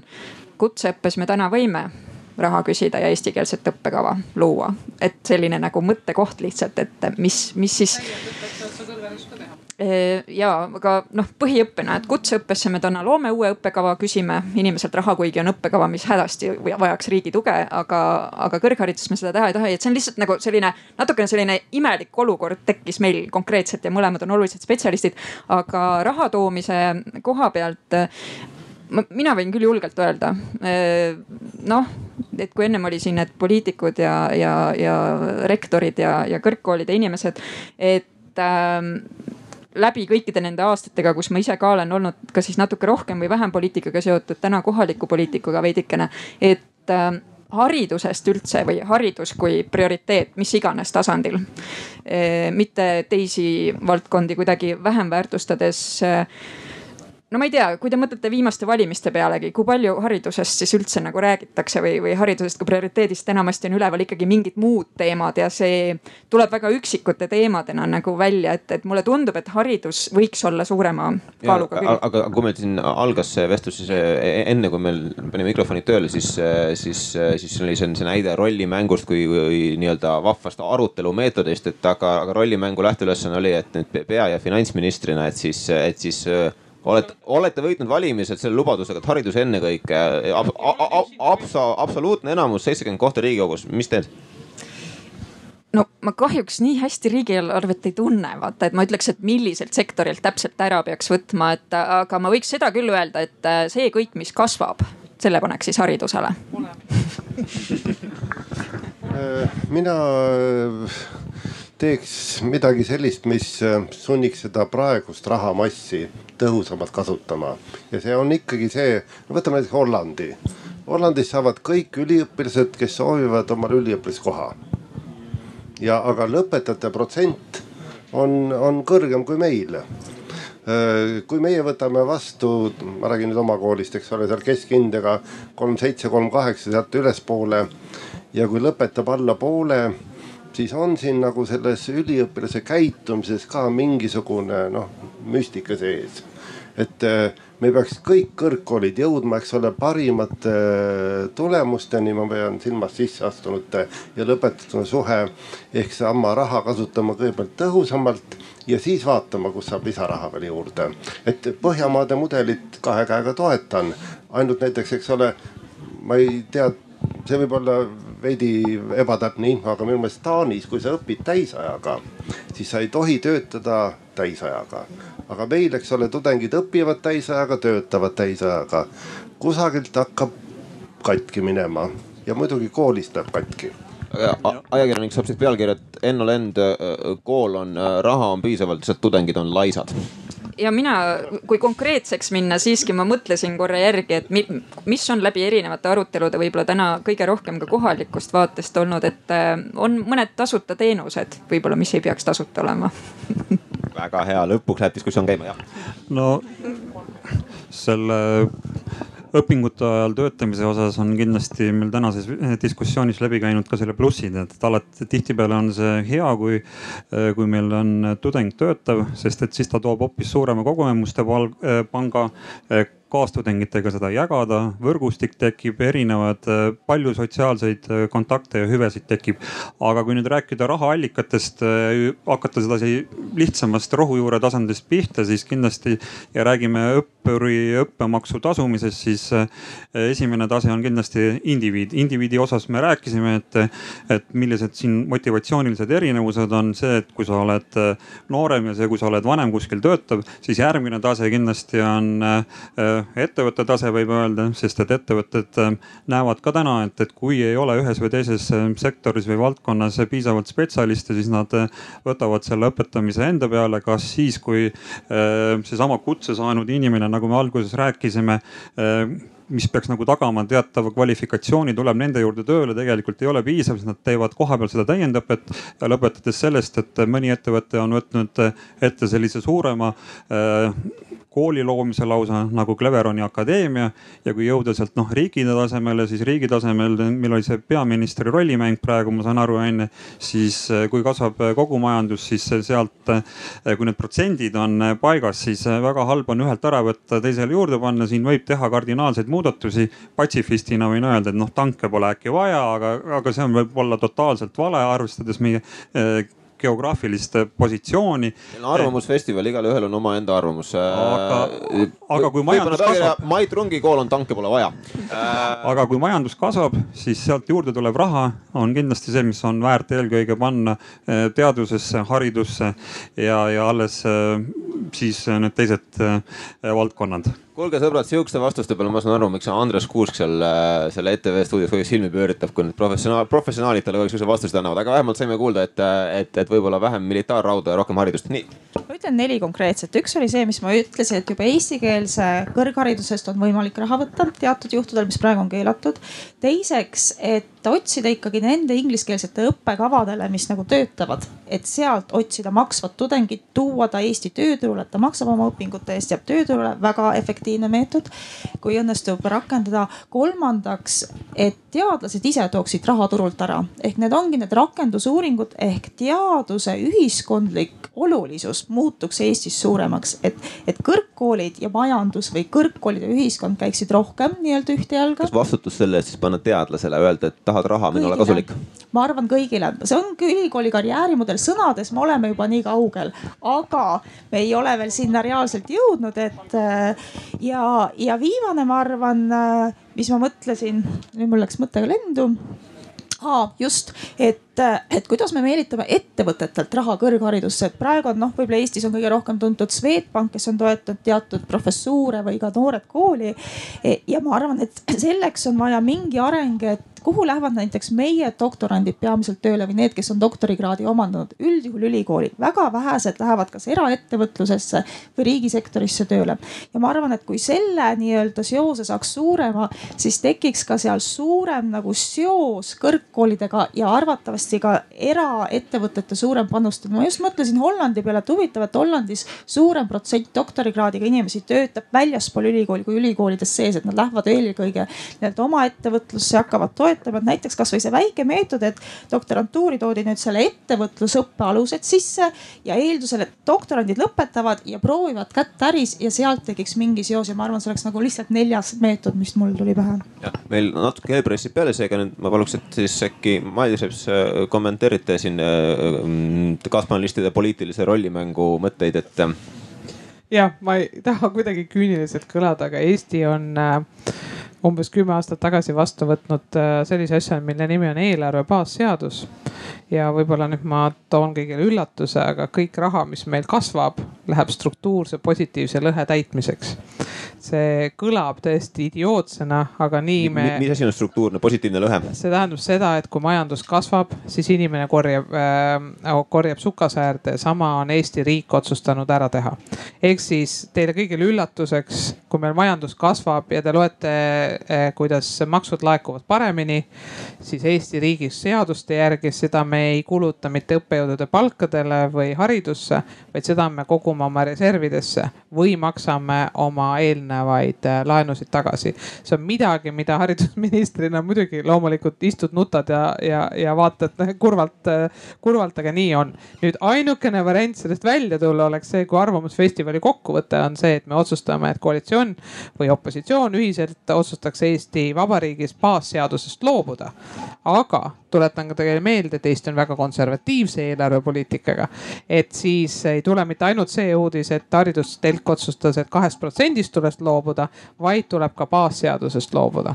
et, et need kõlavad eraldi uudistena, aga lihtsalt ma tahan, ma tahan öelda, et meie normaalse inimesena kõik saame ka aru, et kui uudis on et, et neli koma üheksa protsenti majandus kasvab, siis me saame aru et, et neli koma üheksa protsenti on umbes üks miljard, eks ju, tulemas. see miljard tuleb meil juurde, sealt võtta see kaks protsenti, noh tõenäoliselt me sellest ei loobu, eks hetkel läheb kaks koma kolm protsenti läheb riigikaitsesse, kõik ülejäänud on justkui jagamiseks kahjuks ütlen teile, et hetkel baasseaduse järgu ei jaga me sealt mitte midagi.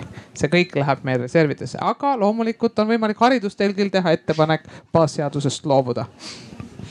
Selge, tänan kommentaari eest, aga mis siin siis kõlasid äh, rahastuse äh, teemal, et, äh, et õppemaksu võiks ikkagi küsida vähemalt lubada küsida koolidel vastavalt võimalustele, mitte tingimata kohustada kõiki seda maksma. minister jäi eriarvamusele ja, ja isegi mõni panelist leidis selle julguse, et öelda konkreetselt, et vihjata mõningatele valdkondadele, kus siis võiks, võiks siis raha ära võtta, haridusele juurde anda. aga nüüd viimane teema ja tõesti, vabandust, et ma siin läbi kappan valdkond suur ja lai ja, ja aeg pressib peale, tahaks publiku seast ka mõned küsimused pärast veel võtta. et, äh, et siin käis läbi ingliskeelne õpe ja tema eest raha küsimine. ja ähm, ja siin nendes jutupunktides, mis ma kirja panin ja ka panelistidega mõtlemiseks jagasin, küll seda momenti ei olnud sees, et, et, et, et, et ingliskeelne õpe ja, ja, ja peaks ta olema nagu muugi enam-vähem tasuta või peaks tema eest valdavalt raha küsima. Aga ma küsisin hoopis, hoopis seda, et, et keele küsimus laiemalt, et ähm, et, et kes õpib Eestis võõrkeeles, valdavalt inglise keeles siis praegu. et kas tema peaks või ei peaks eesti keelt ka õppima, kas see peaks või ei peaks olema õppekava kohustuslik osa? Ja sellise konkreetse küsimusega hea meelega kuulaks, mis mõeldakse ja siis, kui siit tekib sel teemal veel laiemat juttu, siis, siis on ka väga tore kui ise täpselt ei tea, tuleb vaadata, mida teised on teinud. kusagil kümmekond aastat tagasi kallid Põhjamaad Rootsi, Soome vähemasti kuuendal ja seitsmendal tasemel äh, õpetavad kohalikku keelt ka. ja, ja põhjus on väga lihtne. kui see õpe oleks ainult inglise keeles, siis need õppurid pärast stuudiumi lõpetamist lähevad oma asumaale tagasi ja kohalik tööturg saab null kasu. aga kui nad oskavad ka rootsi või soome keelt, siis mõned jäävad kohalikule tööturule ja see kasulikkus võimendub aga see on võimalus, mitte kohustus. See on nüüd kohustus minu teada mm. -hmm et äh, mul on lihtsalt väga palju tuttavaid äh, Soomes kes õpivad ja kes on välismaalased. ja, ja tõsi on see, et kui see võimalus on hästi loodud ja, ja see nii-öelda selles mõttes, et ta on sellele õppurile tasuta, äh, siis tegelikult ma ütleksin, et enamik kasutab seda, et äh, kohustusega on minu arvates nagu väike miinus, et see võib hakata takistama lõpuks seda, et need inimesed siia tulevad. et kui sa ütled, et, et teistmoodi sa seda õppekava siin ei saa. et meil on näiteks üks eriala, mida me praegu äh, ingliskeelsena peame tegema, sellepärast et Eestis ei oleks nii palju spetsialiste, me peame välismaalasi kaasama, me ei saa teistmoodi, me üksinda ei saa.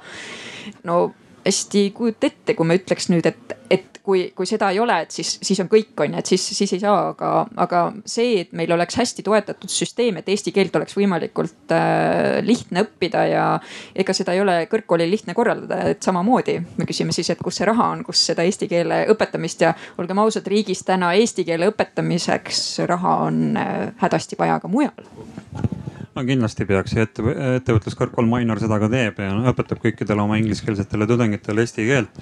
ja sellel on, äh, seda võib edasi arutada veel mitmest perspektiivist. üks on see, et, et kui me vaatame pelgalt ingliskeelset õpet kui hariduseksporti, siis võib-olla see keeleõpe on a la teisejärguline, pole kõige olulisem. et peaasi on see, et, et me saame seda, seda panust anda. teine on see, et, et mida me siis tegelikult tahame, et ma arvan, et, et siin õppivatest välistudengitest, kes õpivad inglise keeles on meil kaks asja peaasjalikult saada, üks on see, et, et nad on meie tulevased äh, tulevased nii-öelda giidid või meie saadikud maailmas. et nad äh, viivad äh, neid kontaktesid kaasa, mida nad on õpingute ajal omandanud. ilma eesti keeleta, ma arvan, nad ei omanda samavõrd, samal määral, samal tasemel kontakte siin Eesti kogukonnaga ja ei vii ka seda kaasa. näiteks Soome on teinud seda sedasi, et, et ta läbi keeleõppe ja on ka teinud äh, neid erinevaid ingliskeelseid ühisprogramme, kus õpivad soomlased ja kus õpivad siis välistudengid koos ja nende soov ja tahe on on või nad lepivad täitsa sellise tasemega, et kui üks kümnest äh, nende Soome tudengist näiteks sõlmib äh, kellegi välisüliõpilasega kontakti, siis selle põhjalgi võib tulevikus sündida mõni suur äh, diil Soome ettevõtte ja teise ettevõtte vahel, on see siis Kone või Metsa või, või midagi taolist. ja kolmas on see, et, et kui me vaatame, et mis on Eesti riigi enda tulevik, siis Eesti riigi enda tulevikul on mitmeid perspektiive. üks perspektiiv on see, et me tahame ikkagi, meil on talentide selge puudus, meil on talente tarvis ja kui me tahame, et need talent siia koha peale edasi jääks, ei läheks meie saadikuks välismaale, vaid jääks neid meie tippspetsialistide vajadust rahuldama, siis kindlasti siin töökohta leida ja siin mugavamalt äraelamist võimaldada. ta ei oleks pidevalt pinge all, et ta oleks mugavalt ühiskonda integreerunud, tal on seda keelt tarvis veel viis aastat tagasi olin ma seisukohal, et eesti keelt peaks olema võimalus õppida, mitte kohustus. täna ma olen praegu seisukohal, et, et ingliskeelsetel õppeprogrammidel peaks eesti keele õpe olema kohustuslik. ja kahe nagu nii-öelda kogemuse põhjalt, et, et just äh, kevadel e, e, eelmisel kevadel oli üks ekspertkomisjon, kes käis kuues kõrgkoolis vaatamas kogu välisüliõpilaste temaatikat, mis on probleemid, kuidas on. ja sealt tuli number ühe teemana välja, et neil puudub nagu seos ka õpingute jooksul ja õpingute lõpus puudub piisav seos Eesti ühiskonnaga. sest tihti nad on nii-öelda välismaalased, välismaalased omaette, ka õppejõud paljudel on välismaalased ja, ja teise nii-öelda aasta lõpus mitmes tunnistasid jah, et ma oleks ju võinud eesti keelt õppida, et mul oleks palju kergem nüüd, aga noh, kuna sundi ei olnud ja siis valikut ei teinud. nii et väga selgelt tulid tegelikult ka nemad ütlesid, jah, kui mind oleks sunnitud, ma kindlasti oleks teinud. ja teine, et ma olen aastaid töötanud Johann Schütte poliitikauuringute instituudis Tartu Ülikoolis ja me oleme selles suhtes nagu nagu hästi edukad rahvusvahelistume tasemel, et meil on enamik magistriprogramme inglise keeles ja mul on pooled kolleegid umbes, umbes viiskümmend protsenti töötajaid inglise nii-öelda mitte eesti emakeelega. ja ka selle kogemuse põhjalt ma näen, et et Eesti, kui ei ole see kohustusena toodud ja eriti kui me veel ütleme, et, et me tahame siia tööjõudu ja me vaatame ka statistikat, et üks kolmandik doktorantuuri lõpetajaid jääb Eestisse ja umbes üks neljandik magistratuuri lõpetajaid jääb Eestisse. ja samal ajal, kui sa küsid nendelt, kuidas on tööd leida, siis nad ütlevad üliraske ja eelkõige keele tõttu ja nad ei tunne selle ühiskonnaga nagu tugevat seost, et meil oleks nii palju kergem, kui me teeksime väikse hüppe kohustuslikkuse suunas. jah uute halduslepingute järgi on see eesti keele ja kultuuriõpe ingliskeelsetel õppekavadel kohustuslik, mille on küll vaidlustanud Tartu Ülikool Rahvusülikoolina, aga, aga see nüüd on kohustuslik. mis mahus? Äh, kui Margus kindlab, kuus või kaheksa ainepunkti, kuus ainepunkti siis keeletase mingisugune? no ütleme, et see on algus, sest äh, kui, kui mina oma tagasihoidlikke õpinguid mõtlen Hollandis, kus on äärmiselt suur osakaal ingliskeelsetel õppekavadel ja seal on kohustuslik. siis ega noh, ta oligi selline, et sa said aru ilma teatest ja sellest, kui rong käskis, ütles hollandi keeles, et nüüd edasi sõida, et on streik näiteks. aga mis see, mis see oli, oli täpselt see, et kui sa läksid poodi, sa said suhelda elementaarsel tasandil ja tekkis keele vastu huvi. et kuue ainepunktiga loomulikult nad ei räägi soravalt eesti keelt, aga nad saavad sellise mõnusa sellise võib-olla noh, julgevad korporatsiooni uks sisse, kaks esimest nalja teha ja siis on noh, mingi kontakt on olemas, aga ta on, ta on oluline samm, aga jah, see tuleb raskesti ja väga suure vaidlusega. Ma, ma tahaks siis selle peale küsida, et äh, ülikoolil on võib-olla lihtsam keeleõpet korraldada, aga et näiteks äh, meie puhul, kust me need keeleõpetajad võtame et ma saan aru, koostööd saab ikka teha, on ju, et mis mu eelmine sõnum oli ka, et kui, kui sellisel tasandil see eeldab ka tegelikult nagu rahastamist, et, et lihtsalt keeleõpetajad neid koolides, kus see keeleõpet sellisel kujul ei toimi, ülikoolil on tegelikult palju-palju lihtsam kindlasti keeleõpet organiseerida, sest nad lihtsalt valivad selle õppeaine nagu paljud teised valivad. aga kui me mõtleme kõikide teiste koolide peale, kus ei ole keeleõpet sellisel kujul, et meil on isegi raskusi, ma ütleksin vene keelega, et vene keel on meile hästi oluline, me teeme neid keelepesasi et kui me räägime mitte ainult inglise keelest, vaid ka teistest keeltest, siis äh, minu sõnum on see, et me, me peaksime ka toetama seda, et kui me ütleme, et see on kohustus, siis me ka toetame aga olgu, ma tänan selle, selle huvitava viimase ringi eest. ma kartsin, et siin lähevad kõik vastused ühte auku, aga õnneks siiski mitte ja, ja, väga tore, et minister lõpetas rõõmusõnumiga, et ma saan aru, et uuest õppeaastast siis jõustuvad uued lepingud. ehk siis ma natuke võib-olla rahvakeelde tõlkides, siis haldusleping on, on, on siis see dokument. just, et siis, et siis nüüd siis Eesti Vabariigis tegutsevad kõrgkoolid ingliskeelstel õppekavadel peab, peavad hakkama õpetama eesti keelt, mis on väga meeldiv areng üks ainukene lause sisuturundust ka siin on see, et ettevõtluskõrgkool omal initsiatiivil õpetab poole rohkem või sunnib õppima poole rohkem välistudengeid ja loodan, et ka üli, suured ülikoolid jõuavad ühel hetkel meile järgi. aga äh, mina tänan selle, selle pooleteise tunni eest. mul oli hästi huvitav äh,, isegi, isegi suutsime teemad läbi käia, mida ma olin lootnud äh,. mõned on juba jooksnud minema, kuna jah, see programm nagu igal aastal siin asjad eri aladel algavad eri aegadel ja sa pead poole pealt ära minema, et järgmisele jõuda. aga need, kes veel on jäänud, ma saan aru, teil ei ole kiire otseselt veel järgmise huvitava jutuajamise juurde. nii et ja mulle tundub, et panelistil ka ei ole või vähemalt ei hakka ju siin lambist minema kõndima lava pealt teie, teie silme all. nii et kuna nad siin sundseisus on, siis äh, küsimused rahva seast äh, palun julgesti ja, ja Tiit Eleonor nüüd muidugi otsa lahti. ma ei tea, kas mikrofoniga saab, aitäh nii, eh, aitäh väga huvitava arutelu eest. Eh, minul tekkis nagu kaks küsimust, eks ole esimene küsimus seondus ikkagi selle ilusa mõistega avalik hüve, eks ole. ja kui ma nüüd meditsiini eh, juttu kuulsin, siis ma hakkasin mõtlema, huvitav, et see on tore, et me, kas, kas ma saan õieti aru, et me tegelikult pakume avalikku hüve Eh, mitte ainult Eesti ühiskonnale, vaid näiteks nende eh, meditsiini kõrghariduse omandanud inimeste näol, kes siirduvad tööle Rootsi või Norrasse või kaugemale. me pakume vähemalt kogu Euroopa Liidule avalikku hüve eh, oma kõrgharidus. kas ma sain õieti aru, see oleks nagu üks pool küsimusest, aga kui ma.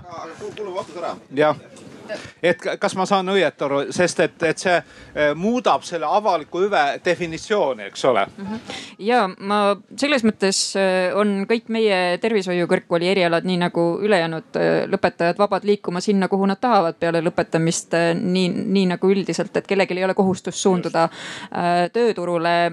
mida ma võin kohe öelda, et ma ütleksin, et see on ajakirjanike poolt kõige rohkem esitatud küsimus, aga teie lõpetajad lähevad ju kõik siis nagu Soome no,. ja ka täna on tõsi see, et äh, väga vähesed lähevad. okei okay tõsiselt väga vähesed lähevad. et Eesti tööturg on täna ikkagi nii palju muutunud ja, ja on erinevaid võimalusi loodud ja tervishoiusektoris on ka õnneks raha juurde tulnud. ja, ja e, see ei ole kindlasti, seda müüti ei tasu nagu endas kanda, justkui see oleks valdav, see pigem on täna väga väike osa, kes ära läheb. nii, no siis ma olen natuke kurb, sellepärast ma just eh, lootsin, et ma võin olla uhke, et eh, me toetame, mina kui maksumaksja toetan Soome ja Rootsi tervishoiusüsteemi kogu aeg ja. aga Tiit, Tiit, Tiit, kui sa lubad, sul oli see üks küsimus, ma. jah, laseme edasi siis jah, okei okay., kes soovib? tervist äh,, olen üliõpilane ja mina seda kuulates või täna siia tulles mõtlesin, et milline mina tahan, et oleks Eesti kõrgharidus näiteks kaks tuhat kolmkümmend viis, et minu lapsed lähevad ülikooli näiteks, et mis siis saaks.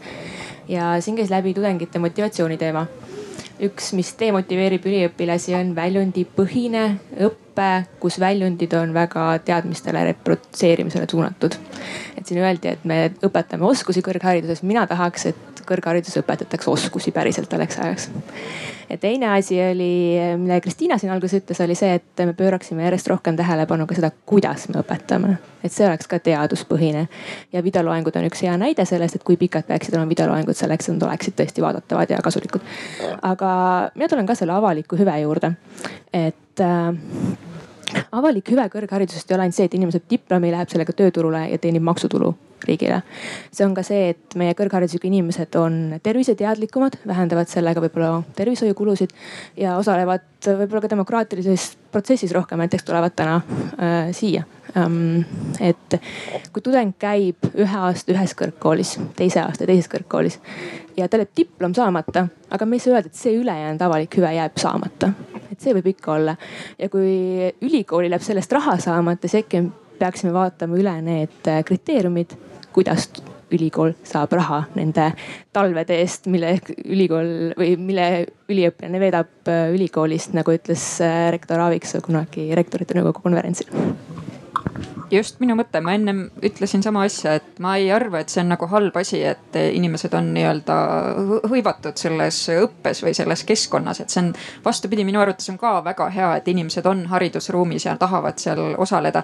ma tean küll, et seal läheb teatud piir lõpuks, mis on loogiline, tasakaal peab ikkagi olema, aga, aga see on tõsi ja, ja, ja, ja võib-olla see oskuste pool, et äh, ma arvan, et see nii-öelda akadeemiliste koolide liikumine oskuste poole, et väärtustatakse neid oskuseid, see tulenebki sellest, et see on ootus. see on ühiskonna ootus, see on tööandjate ootus, see on inimeste ootus ma arvan, et jah, nii-öelda see põhimõte, mis esindasid või seisukoht on õige, aga alati on selle teema juures kaks küsimust.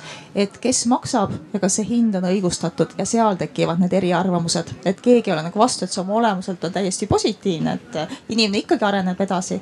aga seal kahe, kahe küsimuse juures tekib siis need nii-öelda erinevad valikud ühiskondades Johanna Viik, Tallinna Ülikooli üliõpilaskonna juht. Äh, ma jätkaksin natuke seda teemat, et äh, mõt-.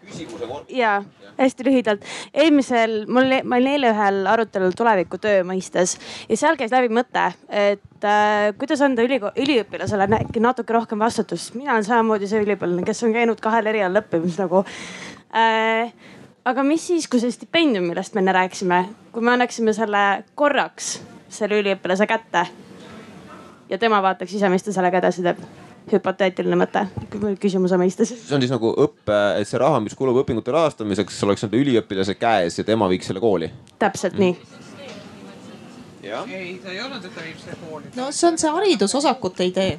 ja vautšerite küsimus, see on kindlasti jah.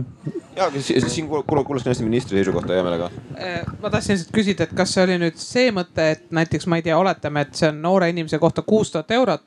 Et, et tal on ka see valik, et ta üldse ei lähe õppima, et, et ta saab kuus tuhat eurot ja siis otsustab ise, mis ta teeb. no see oleks ka veel eriti huvitav aga, aga, aga miks ka mitte. et kõige parem investeering on see, kui sa ei lähe ülikooli ei, piirdume vast selle nii-öelda vautšeri mõttega jah, et. aga, aga meil ju põhimõtteliselt täna see süsteem nii on ju aga ma mõtlen seda, et noh, tule, tulles ülikooli otse, otse keskkoolist, teadmata tegelikult, kuidas see süsteem toimib, siis, siis üliõpilane sellest aru ei saa võib-olla. meie kolleegid Leedus, Leedu kasutab seda vautšerite süsteemi ja nii palju, kui olen Leedu kolleegidega, kolleegidega vestelnud, ei kõrgkoolid ega üliõpilased ei ole sellega rahul. selle raha manageerimine on väga kallis ja väga töömahukas jah, nii-öelda minu enda nii-öelda tunnetus on sama või nii palju, kui ma olen erinevate riikide kogemust vaadanud, et noh, mina kasutan haridusosak või noh, kuidas keegi ütleks. pearaha. no pea, seal on ju natuke teine. või seljakoti raha. just, see on juba natuke teine, igalühel on natuke erineva konnotatsioon seal, aga see tekitab hästi palju sellist ähm, mis on see õige sõna nagu sihukest müügioskust kõrgharidusse või teatud mõttes, ma ei taha öelda kollasust, vaid sihukest turundusaspekti, et ja, ja kui vaadata näiteks Leedu kogemust, siis seal nii-öelda on tugevad erakõrgkoorid, kuhu nendega minnakse. ja see on jälle, et kui me tahame nagu põhimõtteliselt äh, liikuda Põhjamaade mudeli suunas, siis see on justkui nagu vastupidine. ja, ja, ja tekib jälle nii-öelda konflikt, et, et mitte, et ta nüüd otseselt halb oleks, aga nad need töötab nagu mitme trendi vastu, mida me oleme nagu kuidagi ühiskonnas tajunud, et noh, Põhjamaa ole, oleks nagu see õige suund. nii et need on nagu vastuargumendid, kui vaadata Leedu ja teiste kogemust, aga, aga no, ma juba ma... näen naeratusest, et siin no, on ka teistsugused. ma arvan jah, et, et vautšeri idee on tegelikult väga hea idee ja kui, kui see Leedu süsteemi ainuke probleem on see, et, et sellega minnakse headesse tugevatesse erakõrgkoolidesse, siis ma ei näe selles mingit, mingit muret ega probleemi. jah, aga kuule, aga seda vaidlust pidada kindlasti kuskil äh, mahlatopsi juures, äh, juures edasi ja siis seitse huvilist siin saavad teiega seal liituda. Äh, võtaks veel ühe küsimuse ja siis hiljem võib vabas vormis küsida kus iganes veel, aga lõpetaks ametikosa ära. jah, palun. Äh, mikrofon siit liigub jah mm. -hmm. tervist, Allan Tartu Ülikoolist. üks teema, mis me oleme kuulnud vähemalt praegu, sihuke veits tundlik küsimus. mulle meenub üks, see võib-olla on nagu lugu, mis tegelikult ei juhtunud, aga väidetavalt kui nelja suurema ülikooli rektori kohtus Tartu Ülikooli raamatukogus arutasid nagu, mis on Eesti kõrghariduse maastikul nagu tulevik.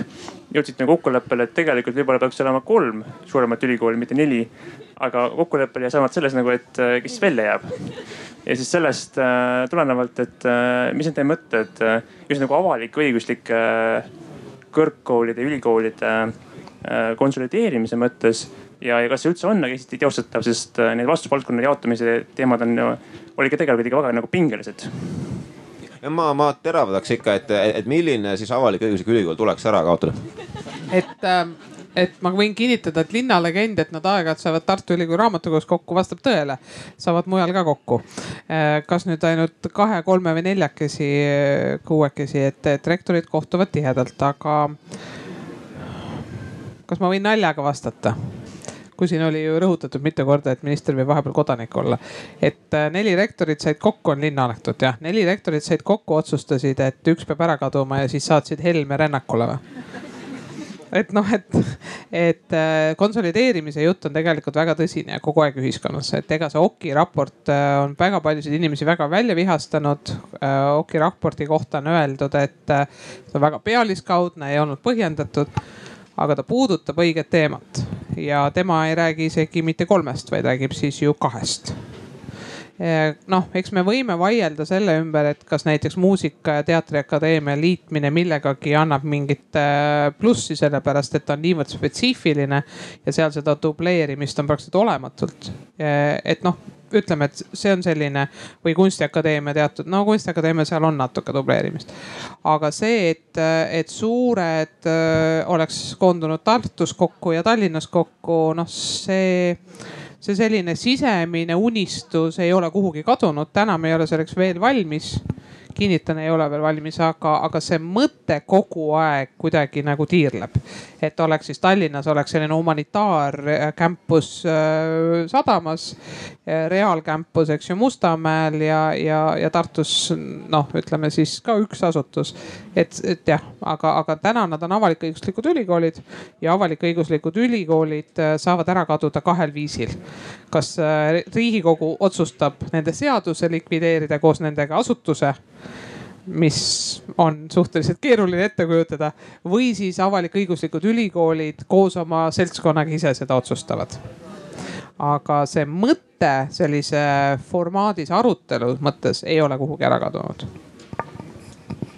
lühidalt öeldes mina arvan, et see juhtub kunagi, aga õige on, et ta juhtub nii-öelda evolutsiooniliselt, mitte revolutsiooniliselt, et praegu on veel, ütleme, et kui nii-öelda mõnda aega tagasi tundus täiesti ilmvõimatu sihuke, siis nüüd see endiselt arutelu toimub ja iga, iga nii-öelda aastaga või arutelu raundiga on järjest enam seal nagu, kas tõesti või, või me näeme juba mingeid võimalusi, mis siis, et tahet seal veel taga ei ole. aga üks asi, mis mind nii-öelda, et kui ma vaatan neid, mida tuuakse välja, mis on hästi noh, nii-öelda nagu peaksid tulema siis positiivsed tulemused, et efektiivsus ja kulude kokkuhoid, siis seal olen mina küll palju kriitilisem. ma arvan, et need, mis on ametlikult välja käidud ja kogused, need ei vasta nii-öelda, need ei ole adekvaatsed. et kui panna lihtsalt suured üksused kokku, siis see lihtsalt kommunikatsiooni ja omavahelise suhtluse kulu tõuseb või me võtame näiteks Harvardi, ta on hästi suur bränd, aga kui te vaatate, siis need ülikoolid seal all või ütleme instituudid või koolid on väga või kolledžid on väga iseseisvad. nii et ma arvan, et see mudel kuidagi veel settub Eesti ühiskonnas, aga suund on sinnapoole, et need nii-öelda ka suured mummud lähevad suurema pildiga kokku. Äh, jah äh, ma arvan, et see pilt on siin palju keerulisem ja sogasem, sest et nähes, kuidas suured riiklikud ülikoolid tegelikult tulevad rakendusülikoolide mängumaale tänu sellele, et Nad õpetavad erialasid, kus on suur praktilisuse osakaal ja, ja töötavale elu, elukestvat õpet töötavale tudengile, kõigile nad on keskendunud, mis on traditsiooniliselt olnud selline rakendusülikoolide nišš. siis tegelikult peaks kogu seda turgu üle vaatama, mitte ainult ülikoolide poolt, vaid kuna see tänane vedav pool on siin üldse kõrgkoolid laiemalt, siis ka rakenduskõrgkoolide pool, see kõik kokku. kui nüüd mõelda seda, et, et need ülikoolid liiguvad rakendusülikoolide mängumaale, siis siis eh, mingi osa eh, ja mingi ühiskond selgelt vajab alus- ja fundamentaaluuringuid ka. Ja need peavad jääma, aga need eh, peaks siis jääma ülikoolidesse. Ja kui see on see üks nüüd praeguste ülikoolide mudeli puhul vähenenud, vähenenud mudel, siis võiks provokatiivselt öelda jah, et, et üks Tallinnasse ja üks Tartusse oleks täitsa, täitsa piisav. mõne võiks ära ka erastada. E kuna rakenduskõrgkoole on üsna palju nagu liidetud eh, või, või siis eh, pildilt eh, nii-öelda iseseisvatena kadunud, siis eks seal on oma plussid ja miinused ja iseenesest ütleme, ma kindlasti ei toeta, et koheselt nagu, et, seda kui eesmärki omaette, et, et mulle tundub, et sellist erinäolisust ja mitmekesisust äh, kipub ka väheks jääma, et seal on selline kriitiline mass lõpuks. ja, ja et, et Tartu Ülikool kasvaks veel suuremaks, kui ta täna on, et, et mi, mi, mis eesmärki see kannab või kus seal see kasutegur lõpuks saab olema. ja kui, kui oleks tõesti probleem, ma, ma selles mõttes, ma tajun, et mingites olukordades need konsolideerumised või liitumised on selleks, et mingeid probleeme lahendada. et et, et siis, kui see probleem on väga selge, et siis ma oleksin valmis seda toetama. täna ma muidu iseenesest seda ei, ei toeta, et just sellepärast, et seda mitmekesisust kipub nagu väheks jääma, et Eestis tundub olevat väga suur siht, et, et mida tsentraalsem, seda parem, et haiglatega räägitakse samamoodi, et kui neid nii palju ei oleks, et oleks ainult, sõidame ainult Tartu ja Tallinna, siis oleks kõik hästi. Äh, ma arvan, et äh, konsolideerimiste teema on natuke sekundaarne tuleks küsida, mis on tulevase ülikooli peamine profiil, kas jätkuvalt äh, pakkuda kõike kolme taset või äh, arendada rohkem magistri- ja doktoriõpet ja teadust? Mm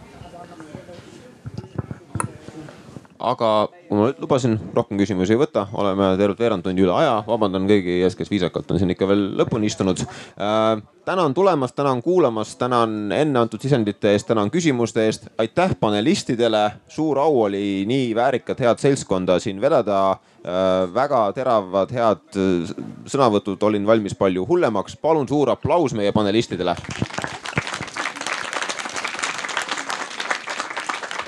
ja ma moderaatori õigusega jätaksin kõlama siit kõige lõpust, kõige lõpus selle mõtte, ma ei mäleta, kes seda ütles, aga et, äh, aga et kui on valimised ja muud ühiskondlikud suured arutelud, siis haridusteemad võiksid igal juhul olla rohkem keskmes, sest nagu me kuulsime, sealt lähevad siirded küll kodanikuühiskonda, küll majanduskasvu igale poole, nii et äh, nõudke oma esindajatelt igal pool, et nad ka ütleksid, mis nad haridusest arvavad. aitäh, aitäh..